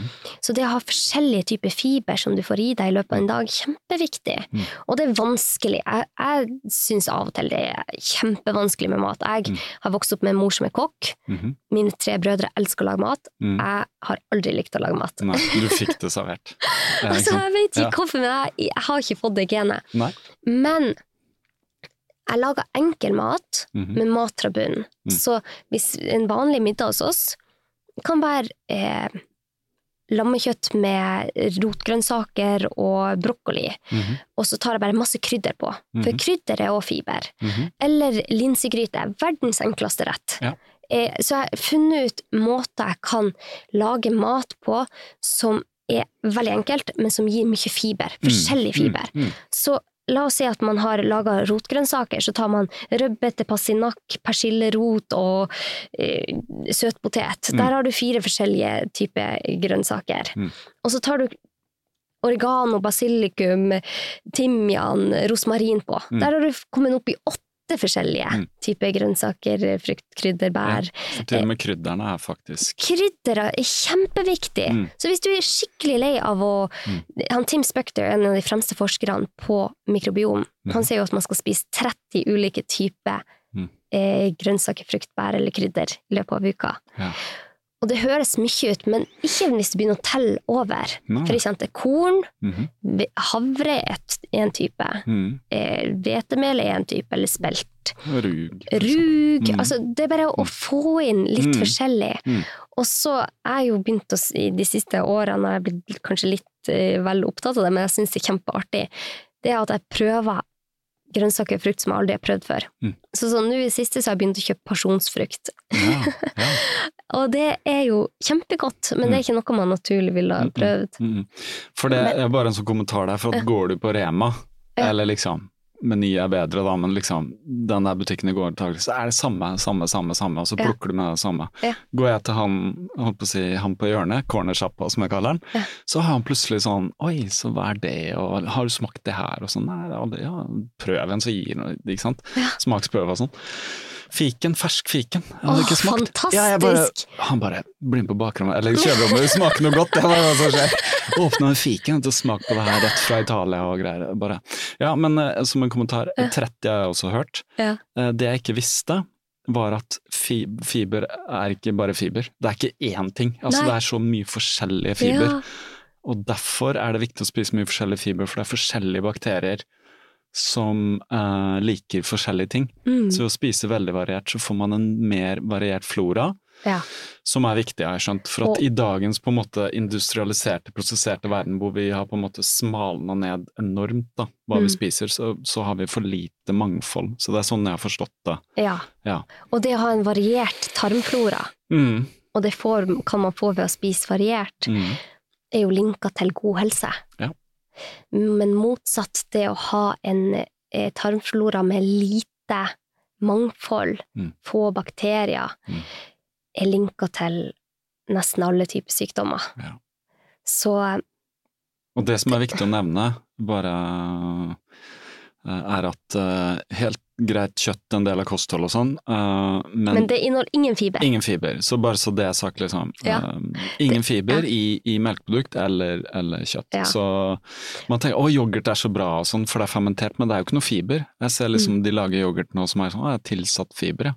Mm. Men du kan jo bare spise yoghurt med eh, altså på havregrøten, da. Mm. Eller eh, Ja, whatever. ja, ja. Eller tilsette liksom frukt eller hva som helst. Ja, og jo mer jeg har studert det her, og jo flere bøker jeg leser om Mm. kosthold, jo mindre kjøtt spiser jeg jo. Fordi at eh, det er kanskje ikke det viktigste vi gjør for helsa, å få i oss kjøtt. Og Nei. før så tenkte man jo at man trengte kjøtt, Mm. helst to ganger daglig. Mm. Men man ser i de sånn forskjellige sonene der de lever lengst og friskest, Mm. så spiser jo de veldig lite kjøtt. Mm. De fleste spiser kanskje kjøtt én til to ganger i måneden, men Mm. vi i Norge vi har en tradisjon av å spise salami på brødskiva til frokost, og så er det noe annet kjøttpålegg eller- og leverpostei til lunsj, og så er det kjøttmiddag, og så er det kjøtt til kvelds. Det blir så mye. Mm. Det er nok ikke helt naturlig for tarmen vår. Nei, ehm, men det er det at i Norge har vi hatt uh, Vi har ikke hatt så veldig mye mat. Altså vi har kunnet dyrke liksom veldig i korte perioder av året. Mm. Og før vi har liksom industrialisert, som vi har gjort litt nå Mm. med store mengder uh, uh, korn og sånne ting, og Mm. poteter og sånn, så var det mye fisk og selvfølgelig kjøtt og melkeprodukter, da. Mm. Så det er jo litt spesielt. Uh, men i dag har vi en helt annen Vi kan spise alt. Alt blir importert, og selvfølgelig må man tenke seg litt om, liksom. Kortreist og det der, men, men alt i alt så er det sånn jeg ser det også, at eh, også sånn historisk eh, sett i et langt perspektiv, så har vi ikke hatt tilgang på enorme mengder kjøtt som vi har i dag. Og bare fra 50-tallet så har vi dobla mengden kjøtt vi spiser, for eksempel. Ja. Så ikke noen gang før i historien har vi konsumert så mye Og da går jo det kanskje litt på bekostning, da. av det, Mm. At ja. vi ikke spiser så mye fiber. Mm. Og så en annen ting, prosessert mat du Mm. snakka om. Eh, bare hvitt mel er jo prosessert, hvitt sukker er prosessert. Mm. Vi fjerner fibre og på en måte veldig mye av eh, sånn skallet på kornet, Mm. med alle sine vitaminer, mineraler, mm, fiber. mm.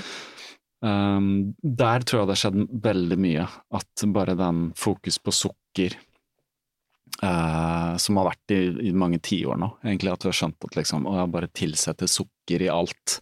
Istedenfor fett, for fett er så farlig. Ja, ikke sant, fett er kjempefarlig, Ja. men egentlig er det kombinasjonen av Det er, eh, altså, ja. Fett er ikke farlig. Nei, det er ikke Vi må få ut det fra Ja, ja. tankerekken vår. Eh, Så ja, nei, jeg er helt enig. Det er, en, det er heldigvis blitt en stor debatt nå, og det er mye blest om dette, så Ja. Jeg er veldig glad for at det er så mye fokus på det. Mm. Og så har jeg fått en tilbakemelding på podkasten min der det var ei som sa ja, men du får det til å høres så enkelt ut, bare spis sunt og sånn. Mhm. Det er ikke enkelt. Nei. Det er dritvanskelig hvis du går fra et ultraprosessert kosthold som er Altså, vi nordmenn, jeg tror vi handler fem, mellom 50 og 60% av all matvarene vi handler, er ultraprosessert. Mm. Hvis du går fra et vanlig standard og norsk kosthold og skal Mm. plutselig kutte ut ultraprosessert og få Mm. mye fiber, Mm. det er vanskelig i starten. Det er derfor du ikke skal starte med å bare si jeg skal aldri spise mer ultraprosessert. Og ta alt i skapet, kaste det ut, og så fylle med noe nytt. Det blir overveldende, ikke sant? Jeg hadde en gang en pasient, jeg husker han så godt. Han kom til meg med en soppinfeksjon i munnen. Han hadde hatt det i noen måneder, Mm. og han var overvektig. Ung mann.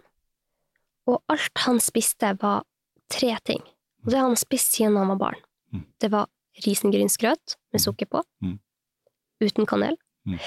Kanel er jo bra, Ja, ja, ja. bra han fikk Ja. med. Og så var det eh, rosinboller Mm. og cola.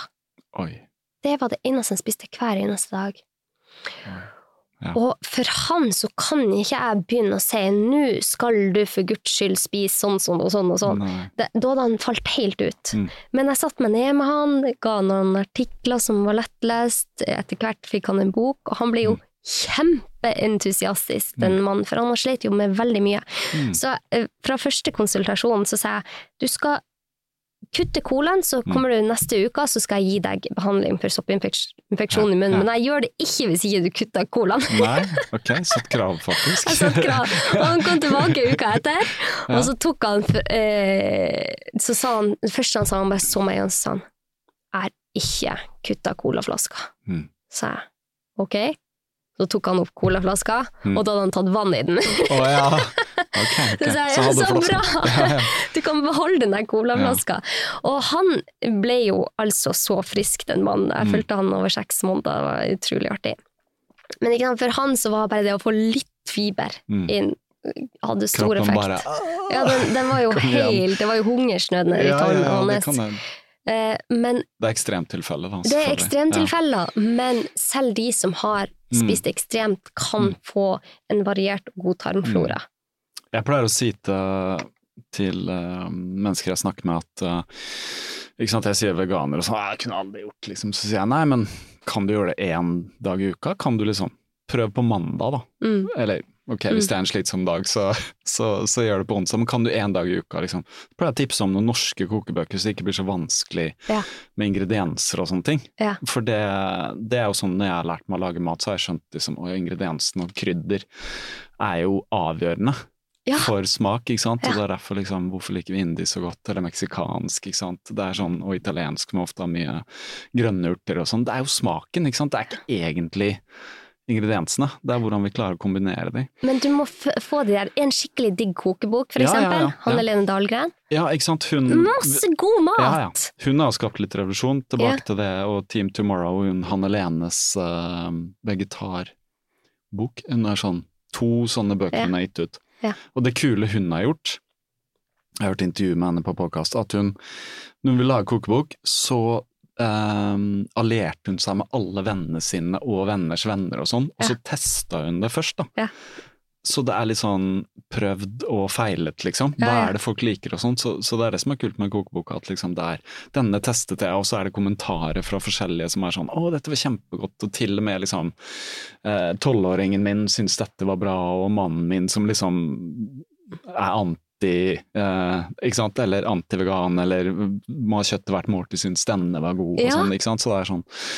Så det er vel det at liksom Ta én inn i uka, da, pleier jeg å si. Prøv å spise liksom Det var sånn jeg ble veganer. Sånn begynte hver mandag Mm. med kona. Så hvordan skal vi prøve å lage vegansk mat på mandager? Og jeg måtte tenke oss om, liksom. Ja, ja. Ikke engang parmesan. Det er jo krise. sant? Så, men så plutselig så var det ikke det. Så tilsetter du oliven, ikke sant. Ja. Og så bare Ja. Det så, finnes veldig mye substitutter der. det finnes jo det. Og selvfølgelig, det negative er at liksom på en måte litt matindustrien har skjønt at å ja, nå er dette en Ja, greie, la ja. oss lage vegetarpølser og vegetar Mm. og, og, og sånne hurtigprosesserte ting også. For en vegetarburger kan være en, en, en rotgrønnsaksburger som er liksom helt naturlig, eller det kan være Ok, separer fett, separer ditt, separer datt, sette sammen til en sånn konstruert ting som kanskje er ikke det beste allikevel, Verre enn det er Ja. verre enn Ja, liksom, ja. ei pølse. Ja. Så ja, det er Så, så greit innimellom, liksom. Mm. Uh, kan man gjøre det, men det er liksom ikke der man baserer seg, da. Mm. Uh, ja. Så, Så du er det- veganer, ja. Hvor lenge har du vært det? Uh, sju år, minst. På åttende året, tenker jeg. Det begynte samtidig med løpingen, da. Så det var total Men jeg var, det må sies, jeg var vegetarianer før. Altså, jeg har vært det hele Så det ble ikke liv. sånn altfor stor eh, Nei, jeg var, fisk uh, spiste jeg også. Ikke sant? I begynnelsen så var det sånn jeg, Det første jeg kutta, jeg kutta kjøtt, da, men jeg Ja. fortsatte med fisk fra jeg var tidlig, tidlig 20-åra. Mm. Og den gangen var det jo superradikalt å bare kalle seg vegetarianer. Ja. Eh, Og veganer var noe jeg hørte om sånne subgruppe av en subgruppe av noen sære anarkister, eller jeg vet ikke hvem de menneskene var. ikke sant? Så det var sånn, I dag er det sånn. Ikke sant? Ja, Innenfor ultraløping, det er jo så mange veganere, og innenfor det ene og innenfor det andre. Uh, og så er det jo selvfølgelig mye sånn, ikke sant, at det blir sånn mye moralske debatter og sånn, og før så tok jeg mange av de, nå er jeg ingen interesse av det lenger. I det hele tatt. eh, og det er litt sånn deilig, fordi før så følte jeg måtte forsvare mye posisjon og sånn, men nå er jeg bare sånn, hvis ikke det funker for deg, så Men hvis folk er litt interessert, så sier jeg det. Prøv en gang i uka. Mm. Og så vil du antagelig lære noe nytt på veien, som er en del av mindsettet. da, Og Ja. på en måte lære seg noe nytt. Uh, ja. Men bare det med krydder, oppdage krydder, og ha en god Jeg har en stor morter hjemme, Ja. og bare knuse liksom kuminen fra scratch, eller fra Oi, ja, gjør ja, det? Ja, ja, ikke gi meg sånn der ferdig kumin, liksom. Det er jo bare tull. Knuser den, Ja.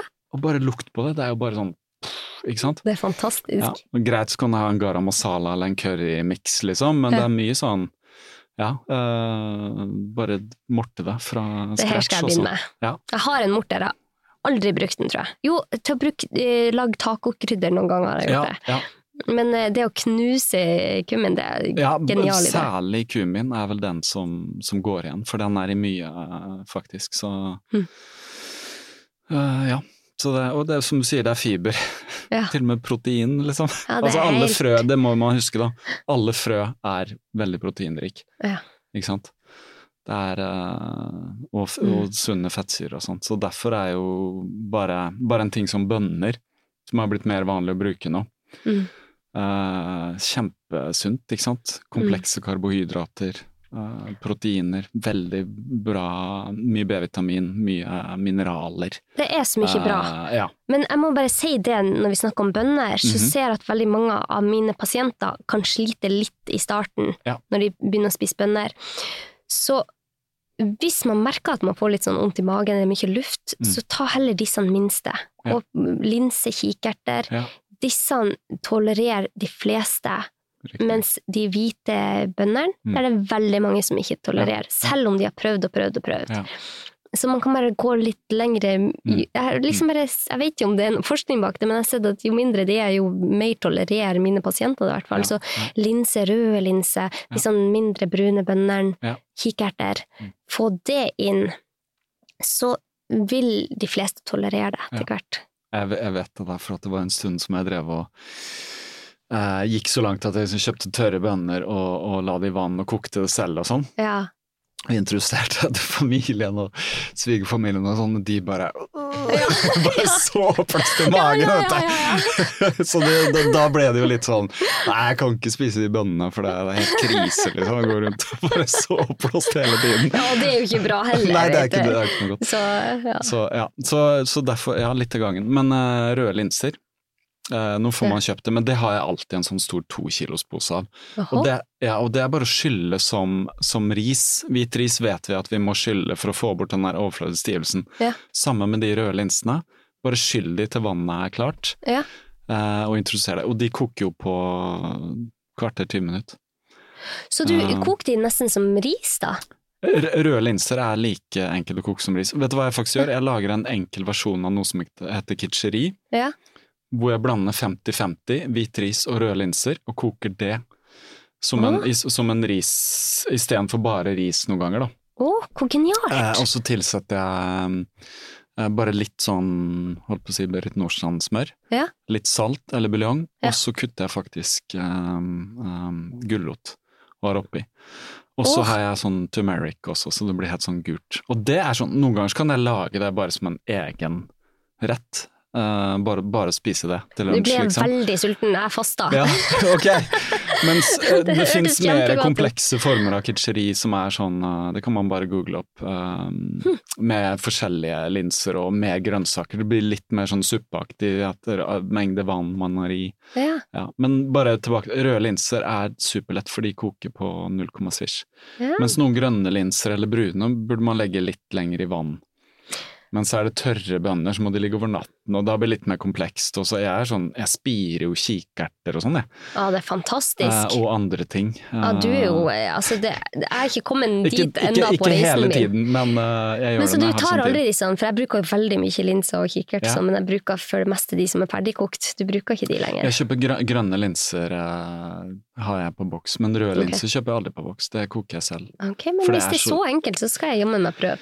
Røde linser er veldig lett, det er det.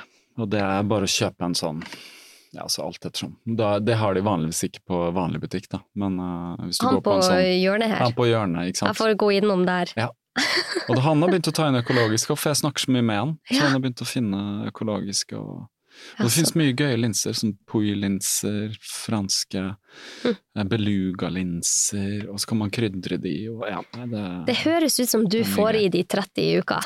Eh, Ja, vet du hva, jeg har tenkt litt på det der, Uh, uh. og jeg har ikke telt, men det, det skal jeg sannelig gjøre, altså se litt på Det er ikke så vanskelig, faktisk. Det er ikke vanskelig. For at når man bruker mye krydder, så kan det ta ti av de allerede Det i ei uke. Mhm. Så jeg tror vi, vi bruker 30 i uka, Ja. nå når eh, vi er blitt opptatt av det. Ja. Det er jo så artig, for at mannen min har jo òg blitt veldig opptatt av dette, og han er jo ultraløper og vil jo alltid finne ut måter han kan Ja. prestere bedre. Ja, ja, ja. Og han merka jo kjempestor effekt på det, med å spise rent, faste og soving. Han er blitt veldig opptatt av søvn. ja, det Det skjønner å jeg. hvile. Mm. Det er På restitusjon. Ja. Jeg merker det med en gang jeg våkner om, om kroppen på en måte har fått den hvilen eh, han har fått eller ikke. Mm. Og det er noe jeg har slitt med, fordi av mye uro og stress og sånn, så har jeg hatt tendens til å våkne om natten i Mm. perioder, og ikke fått sove igjen. Eh, våkne kjempetidlig om morgenen, Mm. eksempel, men jeg har funnet ut at jeg burde legge meg tidlig. Jeg funker bedre i en annen rytme enn eksempel kona, som er mer sånn B. ja. Og det er genetikk, det der. Det er genetikk, så det er vanskelig å gjøre noe med, men jeg burde sove før elleve. Og da kan Mm. jeg sove syv gode timer til litt over seks, så kan jeg føle meg uthvilt. Ja. Men det er ikke alltid. Det kan være litt sånn ja, Har du det, fått deg sånn Aura-ring? Nei, jeg har ikke det. Jeg har en sånn Garmin som måler uh, puls, uh, Ja. så jeg ser jo det. Den måler jo sånn puls, uh, gjennomsnittspuls som man kan se over en uke. Så kan jeg se at hvis jeg var oppe litt lenger og drakk litt vin og sånn, så ser jeg snittpulsen over natten er mye høyere enn Ja, hvis ikke det. man gjør det. ikke sant? For da har man belasta kroppen sin. Og hva skjer med eh, prestasjonene? For dette er jo en løpepod. Eh, Ja, ja. altså, det er de som hører på det. Det har så stor effekt Ja, på det har kjempestor effekt. Og, og det med søvn, det jeg syns er så fascinerende, er at de studier viser jo at hvis du har fått, jeg tror det var under fem timer søvn Mm. en natt, Mm. så har du 10-30 min, du er 10-30% mindre utholdende. Ja, du presterer 10-30 dårligere. Ja. Ja. Og det er, det er mye data her, men Mm. hvordan søvn påvirker ikke med muskelmasse. Hvis du trener Mm. med under fire timer søvn, Mm. så bryter du mer ned, mer ned fett Ja. Nei, mer ned muskler enn fett. ja. Hvis du får for litt søvn. Ja, Ja. Det, du går på muskulaturen Ja. din, så det å Mm. få nok søvn er kjempeviktig. Men det er jo ikke bare å si til folk som sliter med søvn, nå må du begynne å sove mer. Nei, nei. 10 15-20% av befolkninga sliter jo Mm. voldsomt med søvn og har diagnosen insomni, og enda Mm. flere sliter uten å ha fått noen diagnose. Mm. Og vi vet at eh, norske ungdommer får i snitt to og en halv time for lite søvn i Ja, ukedagene. ja. Så dette er jo et kjempestort problem. Men det jeg pleier å si til mine pasienter da, er at bare legg deg til samme tid. Prøv så godt du Mm. kan å legge deg til Mm. samme tid og stå opp til samme tid. For det, Mm. det er kjempefascinerende det her som viser at hvis du har denne faste rytmen, så får du mer dypsøvn, og du får mer rem-søvn. Og Mm. dypsøvn er jo blant annet til for å skille ut avfallsstoffer. Ja. Det er kjempeviktig for den fysiske helsa. Mens rem-søvna, som er ofte den søvna du får på morgenen, den er jo veldig viktig for din mentale helse. Mm. Og det er veldig mange som sliter med stress. De Mm. våkner De, de sovner fort, Mhm. men de våkner enten midt på natta i tre-fire-tida, eller så våkner de i fem-seks-tida. og ja, og da får de ikke rem-søvna, for det er jo den som er så viktig.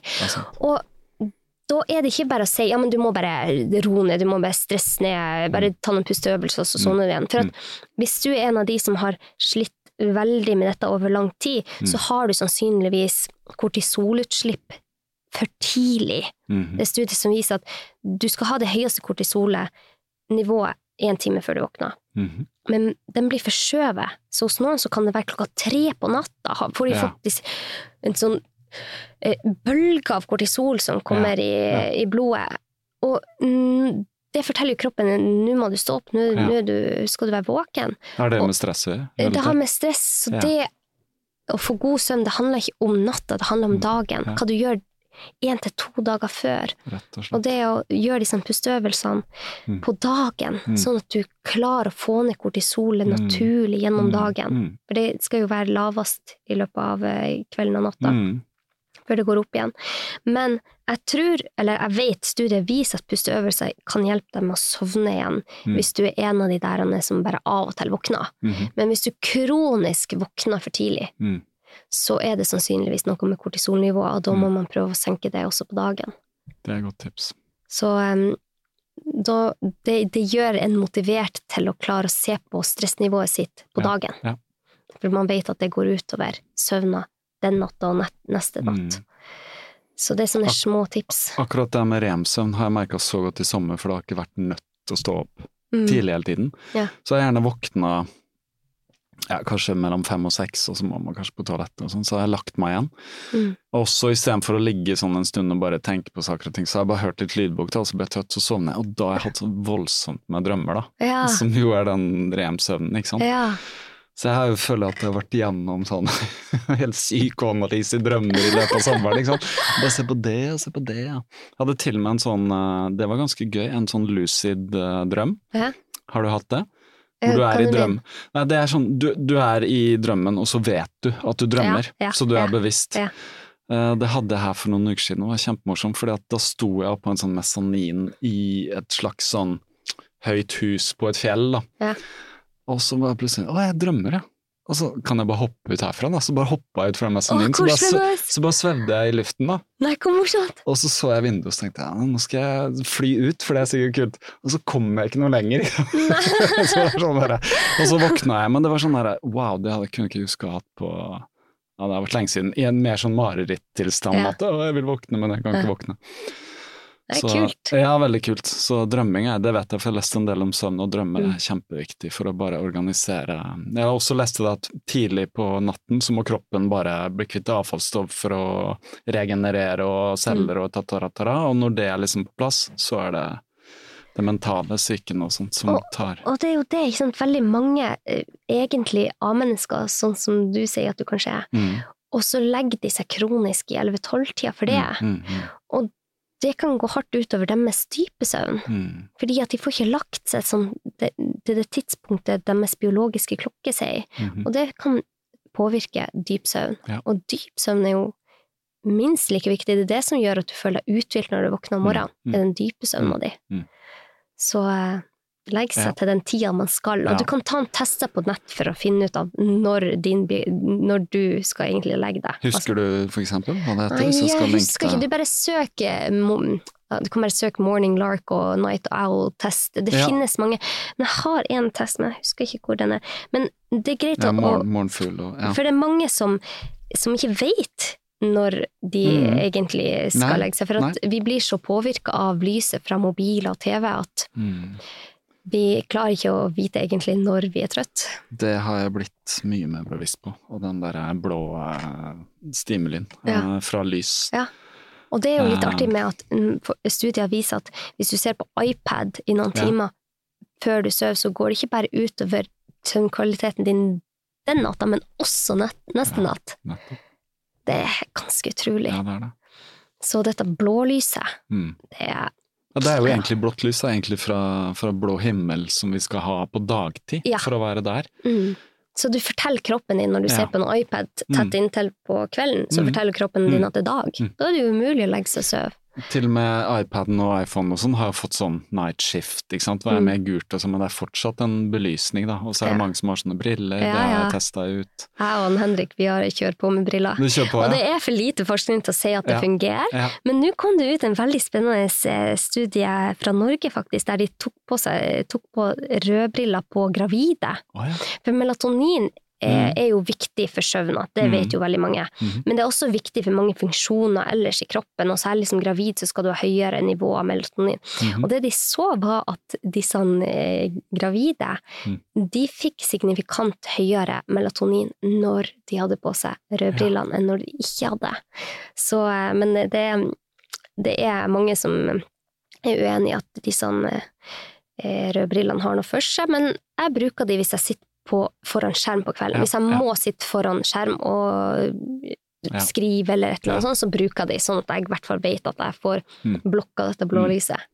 Jeg prøver å unngå de store skjermene på kvelden, men selvfølgelig vi har en sånn Hvis du ser en TV-serie, en øh, film eller et eller annet sånt, så er det jo en stor skjerm, selv om det er kanskje litt annet lys.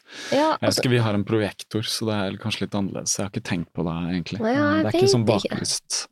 For det er veldig kraftig lys i skjermer for tiden, ikke sant. Se Ja. hvor kraftig bare en liten sånn øh, Mac er blitt i, hvis du skrur den opp sånn. Det men er- det, men det er fascinerende med lys. Jeg, jeg leste nettopp at eh, hvis du går ute på Mhm. en høylys dag og det er sol ute, Mhm. så blir du eksponert for eh, Belysning blir jo målt i lux. Ja. Så blir du eksponert for 30 000 lux I hvis- dagslys. i dagslys Ja. på morgenen. Hvis du er ute på en årssida dag, Mhm. så er det 10 000 lux. Mm. lux. Og det gjør at du klarer å nullstille den biologiske klokka di som er i suprachiasmaticus. Det er en del hjernen som er Mhm. på en måte den biologiske klokka, regulerer når du skal sø, når du skal gå på do, når Mm. hormoner skal skilles ut, alt det her. Så det er kjempeviktig å bli eksponert for sollys tidlig på dagen, helst før klokka 11. Mm. 15-20 minutter. Det er kanskje et av de viktigste søvnrådene jeg gir pasientene mine. Men det er jo mange som sier ja, men jeg skrur bare på flombelysning inne, så Mm, da forteller forteller hjernen min at jeg er våken. Men vet du hvor mange lux det er hvis du hadde tatt på flombelysning her? Mm. Hvor mange lux hadde du fått da? I forhold til dagslys? Mm. Nei, altså nå kan jeg bare forestille meg Jeg vet jo litt om lys, for jeg er fotograf. Jeg vet Ja. jo hvor mye mindre lys det er her enn der ute. Ja. Eh, så nei, jeg vet ikke. Det er i hundretallet antagelig. 500 lux hvis Ja. du liksom skrur på skikkelig. 500 Ja, sånn som den mot lampa vi har her nå, ikke sant. ja. Den er litt kraftigere enn den, men ingenting mot dagslys. Ah, Ingenting mot dagslys. Så bare det å gå Mm. ut altså Ja. Veldig mange sliter med søvn, på, særlig på vinteren. Mhm. Den lille tida der det er litt dagslys, gå ut før klokka 11 helst. Ja, ja. Eller med en gang det har begynt å Ja. bli lyst ute. Hvis du bor i Nord-Norge, så er det jo litt senere. Hvor, hvor lenge burde man 15-20 minutter. Helst 20 minutter. Det kan nullstille klokka som gjør at du klarer å sovne tidligere på kvelden. Jeg har hørt han Huberman snakke om det. Ja, han som er veldig bra. viktig Ja, veldig, veldig bra formidling av Nå vet jeg at det nærmer seg du må av gårde. Oi, jeg skal på innspilling! Denne tida gikk fort, du, Ja, den, den gjør det. Vi har holdt på halvannen time her. Uh, bare litt uh, mannen som løper ultra. Hva, hva, kan jeg spørre hva han heter? Han heter Henrik Tønnebekk. Henrik Tønnebekk, Ja. Kunne vært interessant å snakke med han. Eh, hva slags løp er det Han er sånn eh, skikkelig løpenerd. Altså, Han han, og du har masse å snakke om. Ja. Uh, han, han begynte med Han har jo alltid Han har vært uh, veldig mye med bandy og fotball. Ja. Og så flytta vi til Nord-Norge. Og så tenkte han at det var, jeg kjente det var ikke muligheten for å spille squash eller Mm, tennis eller noe som, som han var interessert i. Så begynte han å løpe i fjellene i Nord-Norge. Mm. Og så, etter seks år i Nord-Norge, så ble han jo sånn superentusiast. Så eh, nå er han jo skikkelig ultraløper, og her om dagen så spurte han om han ikke skulle ta åtte miler på Echo Trail. Oh, ja, ja. For han har tatt fem eh, mil, er det ikke Ja. en fem mil? Jo, det er en femmil. 50 Ja. kilometer og Eh, Så nå er barna blitt litt større, så ja. nå får han tid til det. Uh, og jeg ser jo hvor mye glede det gir han. Mm. Det er veldig mange som spør meg sånn hvordan, hvordan har han tid til å trene så mye? Hvordan lar du han få lov til å Mm. trene så mye? Men jeg må si, etter å ha vært sammen med en mann som er veldig aktiv og har Mm. vært ultraløper i Mm. mange, mange år, så ser jeg hvor stor effekt det har på hans helse og humør. Ja. Og jeg får en mann Mm. som er mer til stede, Mm. har mer energi, Mm. og det, det er masse positivt Ja. eh, med det. Så når han sier at han skal ut på løpetur og ikke kommer tilbake for etter tre-fire timer, Mm. så kan det jo hende at jeg av og til blir litt frustrert når han Ja. sier det skal bli en times tur. Ja. Men så prøver jeg å tenke på alle de fordelene jeg får av å ha en mann som er ultraløper. Ja. og det er mange. Det er det. Det er jo akkurat det der, må jeg kjenner min kone så er det sånn Ja, skal du løpe langt, eller? Så jeg har ikke løpt så mye langt på trening faktisk i år, men jeg har, eh, jeg har også debutert på min altså 50 miles nå, da. Oi, Eh, gøy da. I begynnelsen av Ja, som er 80 kilometer. Oi! Ja, Så- det Så det tok hele dagen, og da var det sånn jeg skynda meg sånn sakte, for da tenkte jeg skal få komme hjem til middag, så de slipper å liksom Hvor lang tid brukte du? Jeg brukte elleve timer på Det var fra Moss til Lysaker. Imponerende. Ja. Dere, dere de- er så imponerende så, som driver på med det der. Men jeg ser på meg selv som en, en nybegynner, altså. Men jeg har liksom løpt 50 miles, at da er jeg så vidt i gang. Så jeg har løpt noe sånn 50 km og noe sånt, da. Men Ja. uh, 50 miles var en Det var en Men det sitter mye mentalt, da. Ja. Uh, skjønte at, når jeg skjønte at jeg kunne klare det, så var det liksom ikke sånn at ja, Jeg bare visste at jeg kom i mål. Men det var jo mye gå og løpe om hverandre og pauser og sånn, da. Ja. Selvfølgelig. Så ja. Ja, men det er herlig å stå på sidelinja og heie på ultraløpere, for det, det går jo veldig sakte med mange. Og Ja, jeg syns det er bare så fint. Jeg føler at ultraløpere tar livet med ro. Det er det som har skjedd meg. Jeg tar ting litt mer med ro. Uh, Istedenfor å jage den halvmaraton eller ti kilometer-tiden og sånn. Ja. Og alt til sin tid, og det har jeg hatt kjempegøy å bare finne ut av uh, sånne ting òg. Men uh, Mm. ja, det er et annet fokus. Mm. Men uh, ja, er det noe vi ikke har vært igjennom? Det er det sikkert, men uh, vi har ikke tid. Vi kunne ha snakka i tusen vi timer, kunne det, vi kunne det. Ja, men det det, er, det er kjempeinteressant med det du finner ut på podkasten og de du snakker med. Så regner jeg med, som sagt, at mange som hører på min, hører på din, og hvis ikke de har gjort det, så kan de gjøre det nå. Og du begynner å få en ganske lang katalog, så man kan jo bare gå inn og se hva er temaet her. Uh, jeg har hørt på noen, og det har vært mye interessant. Kosthold og Eh, livsstil. Og, Alt mulig Ja, rart i den. Så rart. Så det er så, ja. stadig noe nytt å oppdage. ja, det er en ny sesong begynner neste uke. Det er Ja, veldig, veldig gøy. Ja. Tusen takk for at jeg fikk lov å være med i podkasten din, Marius. Det har vært skikkelig hyggelig. æren er på min side, som det heter. At det, det, er, det er gøy å få andre podkaster inn, fordi det er et eller annet med Vi er litt sånn egen breed, føler jeg. Opptatt av å finne ut av ting, og ja, samtalene. Det er, eh, det er en fantastisk eh, verden vi lever i, at vi kan ha så mye Jeg skulle gjerne Ja. hørt mer på podkast. Ja, jeg Jeg må velge hele tiden, og det er vanskelig. Ja, jeg jeg skulle gjerne hatt lydbok, gjerne Ja, Ja. så ja. Men podkast er sånn fantastisk medium for at du kan det. høre på det mens du tar oppvasken eller tar Ja. deg en løpetur. Ja. Det har jo revolusjonert eh, kunnskapsnivået i befolkninga, føler jeg. Virkelig. For det er, Det har det. Det, man lærer så utrolig mye. Ja. Nei, Jeg føler meg veldig takknemlig som får lov å Ja. intervjue så masse dyktige folk. Og, Men og snakke med deg og Ja, ikke sant. Men lykke til med denne sesongen, og um, så kanskje snakkes vi igjen på et eller annet tidspunkt. Det gjør vi nok helt sikkert. Det var Anette Dragland som nevnt driver podkasten Leger om livet. Hvis du likte denne episoden, så uh, fortell det til verden, og hvis ikke du likte den, så fortell det til meg. Uh, du kan sende en mail, du finner all kontaktinfo enten uh, på Patrion-siden. Eller du finner den i podkastnotatene i den appen du bruker. Jeg ser at Spotify ikke er den beste på linker, men Apple Podcasts og lignende um, fungerer ganske bra. Podkasten er spilt inn i studioet som heter Tid og Lyst, ligger her på Grünerløkka, drevet av eh, kollega, podkaster Pia, som lager podkasten Pia og psyken. Så hvis du går øh, med en idé og har lyst til å lage en podkast, prøve deg, så er det studio tilgjengelig for utleie. Veldig bra um, isolert studio med gode mikrofoner og en god mikser.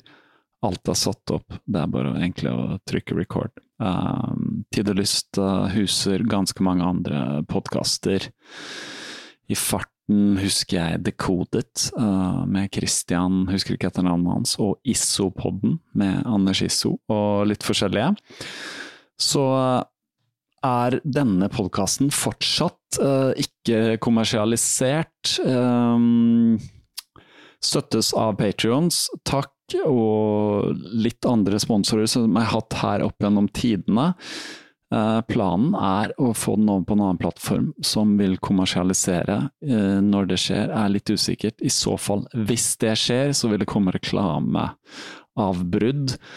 Som er litt slik dette spillet er rigget. Um, da vil jeg i så fall legge hele podkastepisoden ut på Patrion uten reklame, så det er fortsatt mulig.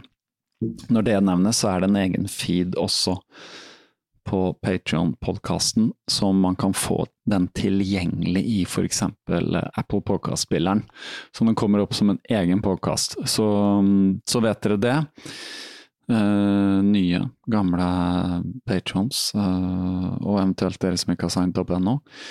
Uh, er det så mye mer å si nå? Nei, jeg tror ikke det. Jeg må skynde meg. Må på politistasjonen og få nytt ID-kort, så jeg har en fysisk legitimasjon.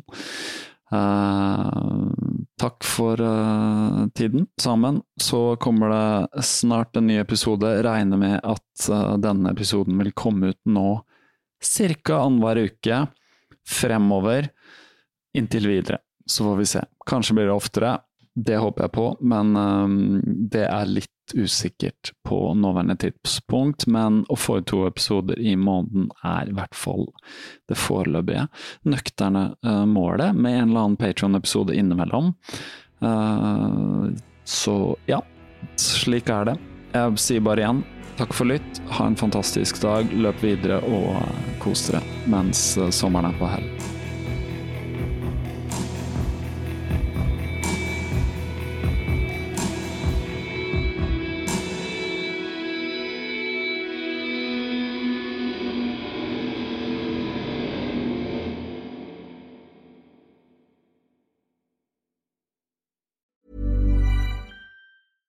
Step onto the legendary clay courts of Roland Garros, where the world's best players battle it out for a chance to win the French Open title. Tennis Channel Plus is your place to watch. Stream every court from your phone or smart TV, live in HD. Don't miss a moment with daily live coverage and match replays on demand, beginning Monday, May 20th. Be there for all the unforgettable moments. Stream now with Tennis Channel Plus. Planning for your next trip? Elevate your travel style with Quince. Quince has all the jet setting essentials you'll want for your next getaway, like European linen, premium luggage options, buttery soft Italian leather bags, and so much more. And it's all priced at 50 to 80% less than similar brands. Plus, Quince only works with factories that use safe and ethical manufacturing practices. Pack your bags with high-quality essentials you'll be wearing for vacations to come with Quince. Go to quince.com slash trip for free shipping and 365-day returns. Ever catch yourself eating the same flavorless dinner three days in a row? Dreaming of something better? Well, HelloFresh is your guilt-free dream come true, baby. It's me, Kiki Palmer. Let's wake up those taste buds with hot, juicy pecan-crusted chicken or garlic butter shrimp scampi. Mm. Hello Fresh. Stop dreaming of all the delicious possibilities and dig in at HelloFresh.com. Let's get this dinner party started.